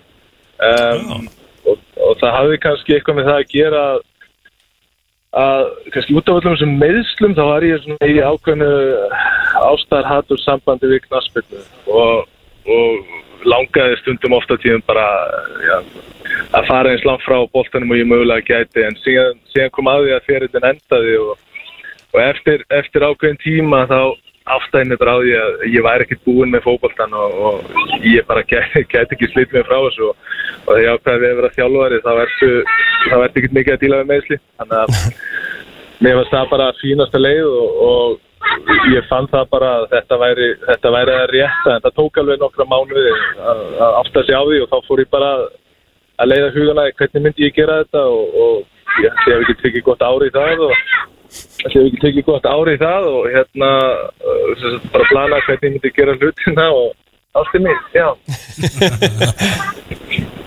Þetta virkaði líka mjög mikilvægt mikilvægt skilabúð og búið að kalla mikið sko. Já, já, en svo segir mér eitthvað þýsku, ef hann ætlar að segja mér eitthvað merkilegt, það er að skota að segja á Íslands. Já, Uh, nei, nei, hérna, það tók smá tíma, sko, ég ætlaði alls ekki í þjálfun, en, en ég fann það síðan að, að þetta var það sem ég langaði að gera, en það tók ákveðin tíma að komast að þeirri nýnstu og, og annan eins tíma síðan átt að segja hvernig ég ætlaði að gera það. Og sem betur fyrir fekk ég þann tíma og, og, og fekk líka tækifæri til þess að gera það hjá klubbi, uh, kannski óþví hvaða levelið það er, kannski er þetta að útskýra levelin fyrir fyrir fólki heima að það er það er svo sturlaður fótbolt áhuga hérna. Þú ert með 12 dildaþrepp bara í Bavaríu þú ert með 4500 knaspötu félög uh, bara hér í þessu hluta Þýskalands og ofta á tíðum eru, eru félögin með meira en eitt mestaraflokk eins og það er sem ókveða sem ég byrjaði við vorum með fjóra mestaraflokka þannig að þetta er þá ertu kannski á sjötta leveli. Þetta er alveg, þetta er alveg fínasta level og góði leikmenn og, og góði þjálfarar og, og það er líka tækifæri sem þú færð ekki, þú byrjar of hátt. Mhm. og það er það að, að læra og, og fá kannski það frelsi til þess að brenna sig á mistökunum á þess að afleðingarna séu, séu þær að þú set bara fókin út á dittnar Þú ert búin að vera núna hvað, einhver fimm ár hérna í þjálfunni í, Þýskalandi. Hvernig svona lítur á framhaldi ætlar þetta áfram svona að vera í þessum já bara á þýska markanum í, í, í þjálfun eða er eitthvað að kýtla að kíkja eitthvað annað? Næ, ég sko ég myndi halda að eins og staðan er núna þá meikar bara sens að vera hér áfram um, ég er ekki búin að byggja upp minn feril og þó að sé þetta oft romantíst að hugsa til þess að, að koma kannski heim og, og fara að þjálfa þar eða, eða einhvers þar annar stað þá, þá er ég bara minn feril hér og ég er búin að byggja henni fjallna og, og, og hann hefur gengið svona nokkur megin eins og, eins og ég svona vonaðist til að hann myndi ganga eftir. Uh, það var bara eins gott að sína þólumæði og halda þeirri vinna áfram og sjá hvert að tegum hann Já, nákvæmlega. Já, nákvæmlega. En þú hérna náttúrulega fylgist alveg gríðarlega vel með deildinni hérna heima, bestu deildinni og, og, og landsliðinu og, og öllu því sem er að gerast í íslenskum fótbolta. Já, ég myndi segja sko það er kannski hluti af og ég sé ekki beint með heimþrá en það gefur mann ákveðna námt við, við sitt heimaland og mér finnst rosalega gaman að hlusta á saman hvort það séu séu útastættir eða podcast eða, eða horfa á leiki, ég næna kannski endilega að sjá allt en svo í gerðkvöldi þá kemur heim að fundi og næja setna áleika af FH fram og, og breiðablik HK og er að skipta á milli þannig að ef að tækifæri gefst á því eða til dæmis eins og ég er að kera einn á milli þá, þá reynir ég yfirleitt alltaf að hlusta á eitthvað og, og, og ég bara hef mjög gaman að því. Það er, það er eitthvað við en íslenska bolta. Það er bara það er, hann er rosalega skemmtileg og fyrir það er hann þekkir ákveðna aðeila kannski sem eru svo mínum aldrei ekkert endilega margir að spila en í, vinna í félagunum eða í þjálfun þannig að ég er alveg mjög gaman að því að, að svona stá hvað er verið að gera og það er líka verið að gera mjög góða hluti heima. Og það er líka hægt að læra endalast af því að sjá hvernig aðri menn er að vinna sínu vinnu eins og eins og uh, sem dæmi kannski Arnar og, og Óskar og, og þetta miklu fleiri. Þetta er að vera þarna, já, sem F-fóingur Hann sé ánægð með það hvernig gengi F-fóinga hefur verið á, á tímabilinu. Ég veit að eins og stuðnismenn voru bara óttast annað aðra, annað tímabili fallbaróttu mögulega. Já, ég raun er mjög ánægð með þetta. Þetta hefur verið, maður hefur sést líka stíganda það er ákveðin struktur á þeim og það er svona lítið sem ég horfði á það, það er meiri spenna í, í, í hérna kvortum í gæri en að litla sem ég sá að, að leikna mútið fram þá, leita mjög vel út. Og mér er búin að vera stígandi svona frá fyrstu leikunum fram og, og stjórnunni og þá til núna. Ég er bara mjög ánægð með þetta og hann er að vinna mjög vel með þann leikmannhóp sem hann er með. Já, það er gaman að sjá F á í efri hlutana sem að, sem að við eigum heima. Já, nákvæmlega Þarna landsliði náttúrulega koma aðeins og, og kíkti þarna til, til Þýskalands í undirbúningu um daginn. Þú, ert búin að vera í smá tengslu líka við, við landsliðið áfram. Uh, Hvað mennur? Já, þú kíktir á æfinguna þarna og svona. Já, já, ég kíkti á hana og, og að þetta spjallaði menn og, og hérna þetta er mjög skemmtilegt og úrslitin í kjölfarið var ekkert sérstök. En uh, ég er þetta að missa bara leikinu núna ég alveg var bara aðeins úrslitin, ég náðu ekki, að- náðu ekki að kíkja á það en ég tek á einhvern tíma. Það var að það venna Portugalsleikin hann hafði verið nokkuð, nokkuð vel hérna, settur fram, að ekki? Jú, jú, það var geggja sko. Það var, það er, það er furðulega við þetta er, er að uh, öll jákvæðni heimsins er komin í íslenska landslið en við uh, töpuðum báður leikjónum Já, Já, Það er það, sko. það, er, það er frábært, menn. Það var líka þó svo að kannski hér áður fyrir hafa einhvern neikvæðin átt, uh, átt rétt á sér þá hefur það kannski til að verða það er annarkost himnaríkið helviti sko, þannig að Já, mér, var stundum, mér var stundum full vel lagt í neikvæðina og, og þú veist, það var freka að fara í það að geggjurinn heldur en að rósa fyrir það sem kannski jákvægt var. Og að það væri kannski á skórnum skamti það, það var alltaf viktan Mhm. og hérna og samanskapir núna, mér finnst bara mjög, mjög jákvægt að, að, að það sé svona aðeins bjartara yfir, yfir hlutunum heima og, og fólk sé svona fara að líta framtíðina svona bjartara um. já. algjörlega. Hannes Dótt Sigursson, bara takk kærlega fyrir að spjalla þess við okkur. Alltaf, alltaf gaman að að spjalla við þig og við ætlum bara að hleypa þér í það að sinna fjárskiptinni Sinna, sinna ég verð aftursætinu. að, að koma að staði hvað er vandamálið. Hennar gaman að spjalla við ykkur og eigið góða helgi. Sömulegis Sömulegis, verðum við bandi, bye bye Bye bye Já, það held ég að Hannes Dótt Sigursson þarna í beinni útsendingu frá Hraðbrauti í Bæjaralandi. Já, fara, býtu, hvað segir Förum aðeins í þessa bensínstöð. Ég er, þú Já, ég skal fara betur í hana á eftir. Já, Það skal ég fa- fara betur í hana. Já, Þetta er frábært messendur sem er akkurat er mitt á milli hérna Burghausen og Mönjen Gott að svona taka pitstoppi þar sko. Ok Og þar er, það er alla lífsins listi sendar sendir Á þessari já, þetta er bara frá besta bensinstöð sem ég fara á sko. Bara svona vega bensinstöð, þú veist það er ekkert annað þannig í kring sko. Ok. Það Þannig er bara staðaskáli með öllu. Já, bara sko, ég vil fá bara mannin sem sér um staðaskála til að fara hérna yfir og kíkja á þetta sko. Já. Pældi ég að hérna, staðaskáli myndi ákveða að verða besta bensínstöð í heimi. Já, farið samkjöfni þarna. Já, ég getur það. En það var hérna Já, já. og- það var virkilega gaman að heimsækja Hannes Já. og, og í, í, í, vor. Já. og hérna, og þetta er rosalega stórt það við keirðum bara fyrst inn í búrkásen sko, Mm. það var bara þvílít magna af lögreglufólki á lestastöðinni og ég var bara að vita hvað það er í gangi? Við var bara sprengjuhótun eða? Mm. og þá voru hérna stuðningsmenninir á leiðinni sko, það var verið að fara að taka á móti því móti þeim. Og þeir eru eins og hann er sagði eftir hennar leik er hann að töpu þessu leik sem ég fór á reyndar. Mm. en þá var bara, þá fóru þeir Hannes og liðið bara fyrir fram á stúkuna. Þetta var svona eins og þegar hvað legg Bosnan var á vikingsvettinu já, já það var svona, Ok. það var svona, já, það var mikil nánd milli stuðningsmanna og, mm. Og bara frábært að, að fara þarna. Náttúrulega þjóðverjarnir kunni þetta svakalig fótbolta þjóð og það var búið að opna þarna einhverja bjórdælurnar á vellinum og, og svakalig umgjör í kringum þetta Já, með þetta sé að þú veist þíska djettildin Já. sem er myndu kannski einhvern veginn fordæma en þetta er risa stórt sko.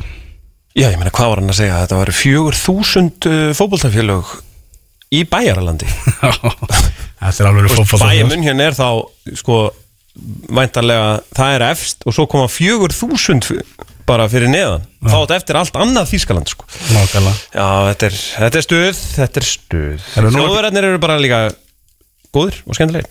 Já, reynda landslið er ekkert sérstaklega gott um þessa myndir Nei, hvað er að gerast þar? Það er eh, heitt undir Hansi Er ekki, Flick er ekki Hansi Flick bara búinn? Já, það er verið að tala um að næsti gluggi geti svona verið eða Sérstaklega. meðal- eða meðlans þetta er að mæta frökkum í næsta glugga Já. Ok. En þeir eru bara búin að vera alveg rottalega lélegir og komast náttúrulega ekki upp úr riðlinum á HM þannig að það er spurningamarki sett við það hvort að Hansi Flick verði maðurinn sem að stýra Þíska landsliðinu þegar, þegar Evrópumótið verður haldið í Þískalandi á næsta ári. Já. Hér er núna klokka tvö, Íbjóa Valur að fara að hefjast, það er góla eins og oft áður og austanátt segir Tryggvi Guðmundsson sem Já. er á Hásteins velli Mhm. einbreyting á liði Íbjóa frá jafnteflunum gegn K.R. þar sem að Elvis eh, Bono kemur inn í liðið, Eður Aron Sigurbjörnsson sem hefur verið fjárvændi undanfjöldu leikjum, hann kemur á hann er á bekknum, einbreyting á liði Vals, Andri Rúna Bjarnason sem sest á bekkin og Patrik Pedersen, hann kemur inn í byrjunarlið. Vi ha Pedersen. Hefur ekki fara að horfa á hann? Jú, Fá okkur eitthvað Jú. með honum? Ef ætlar að fá þér eitthvað? Já. Ég ætla að fá mér eitthvað. Já, ég ætla ekki að gera það. Fjölnir vestri í lengjudeldinni Hann er líka eftir 2 og Njarðvík Þór Það er nóg að gerast, það getur fylgst með þessu öllu á fótbolta.net Uh, Þættinum lokið. Alveg gera og bendið búið að svengum Hör Björgvin Magnússon. Nóveit Óvæntinn og Já. ég uppaði þáttar. Það var virkilega skemmtilegt. Já. Heyrðum í fréttamönnum, fórum yfir leikina og allt það, Hannes Þótt Sigursson var á línu hérna rétt á þann Ef þið mistuðu á þessu, þá kemur þetta allt inn á vísi.net hlaðvarpsveitur, Spotify. Ég veit ekki hvar og hvar. Já, það er allan hægt að hlusta á þetta. Það er alveg hægt að fara ímsa leiðir bara. Það sem ykkur finnst þægilegast. Þá þurfum við reyna aftur á dagskrá á lögadaginn, þá verður Tómas komin úr fríi. Úr heimsreisinu sinni. Það var nú bara spánarreisinu. Bara spánarreisa. Já, það er rétt. En uh, ég held að komi hérna sólbrútn og, og feskur næsta lögadag Takk fyrir að hlusta, njótið fótboltans um helgina. Verðið sæl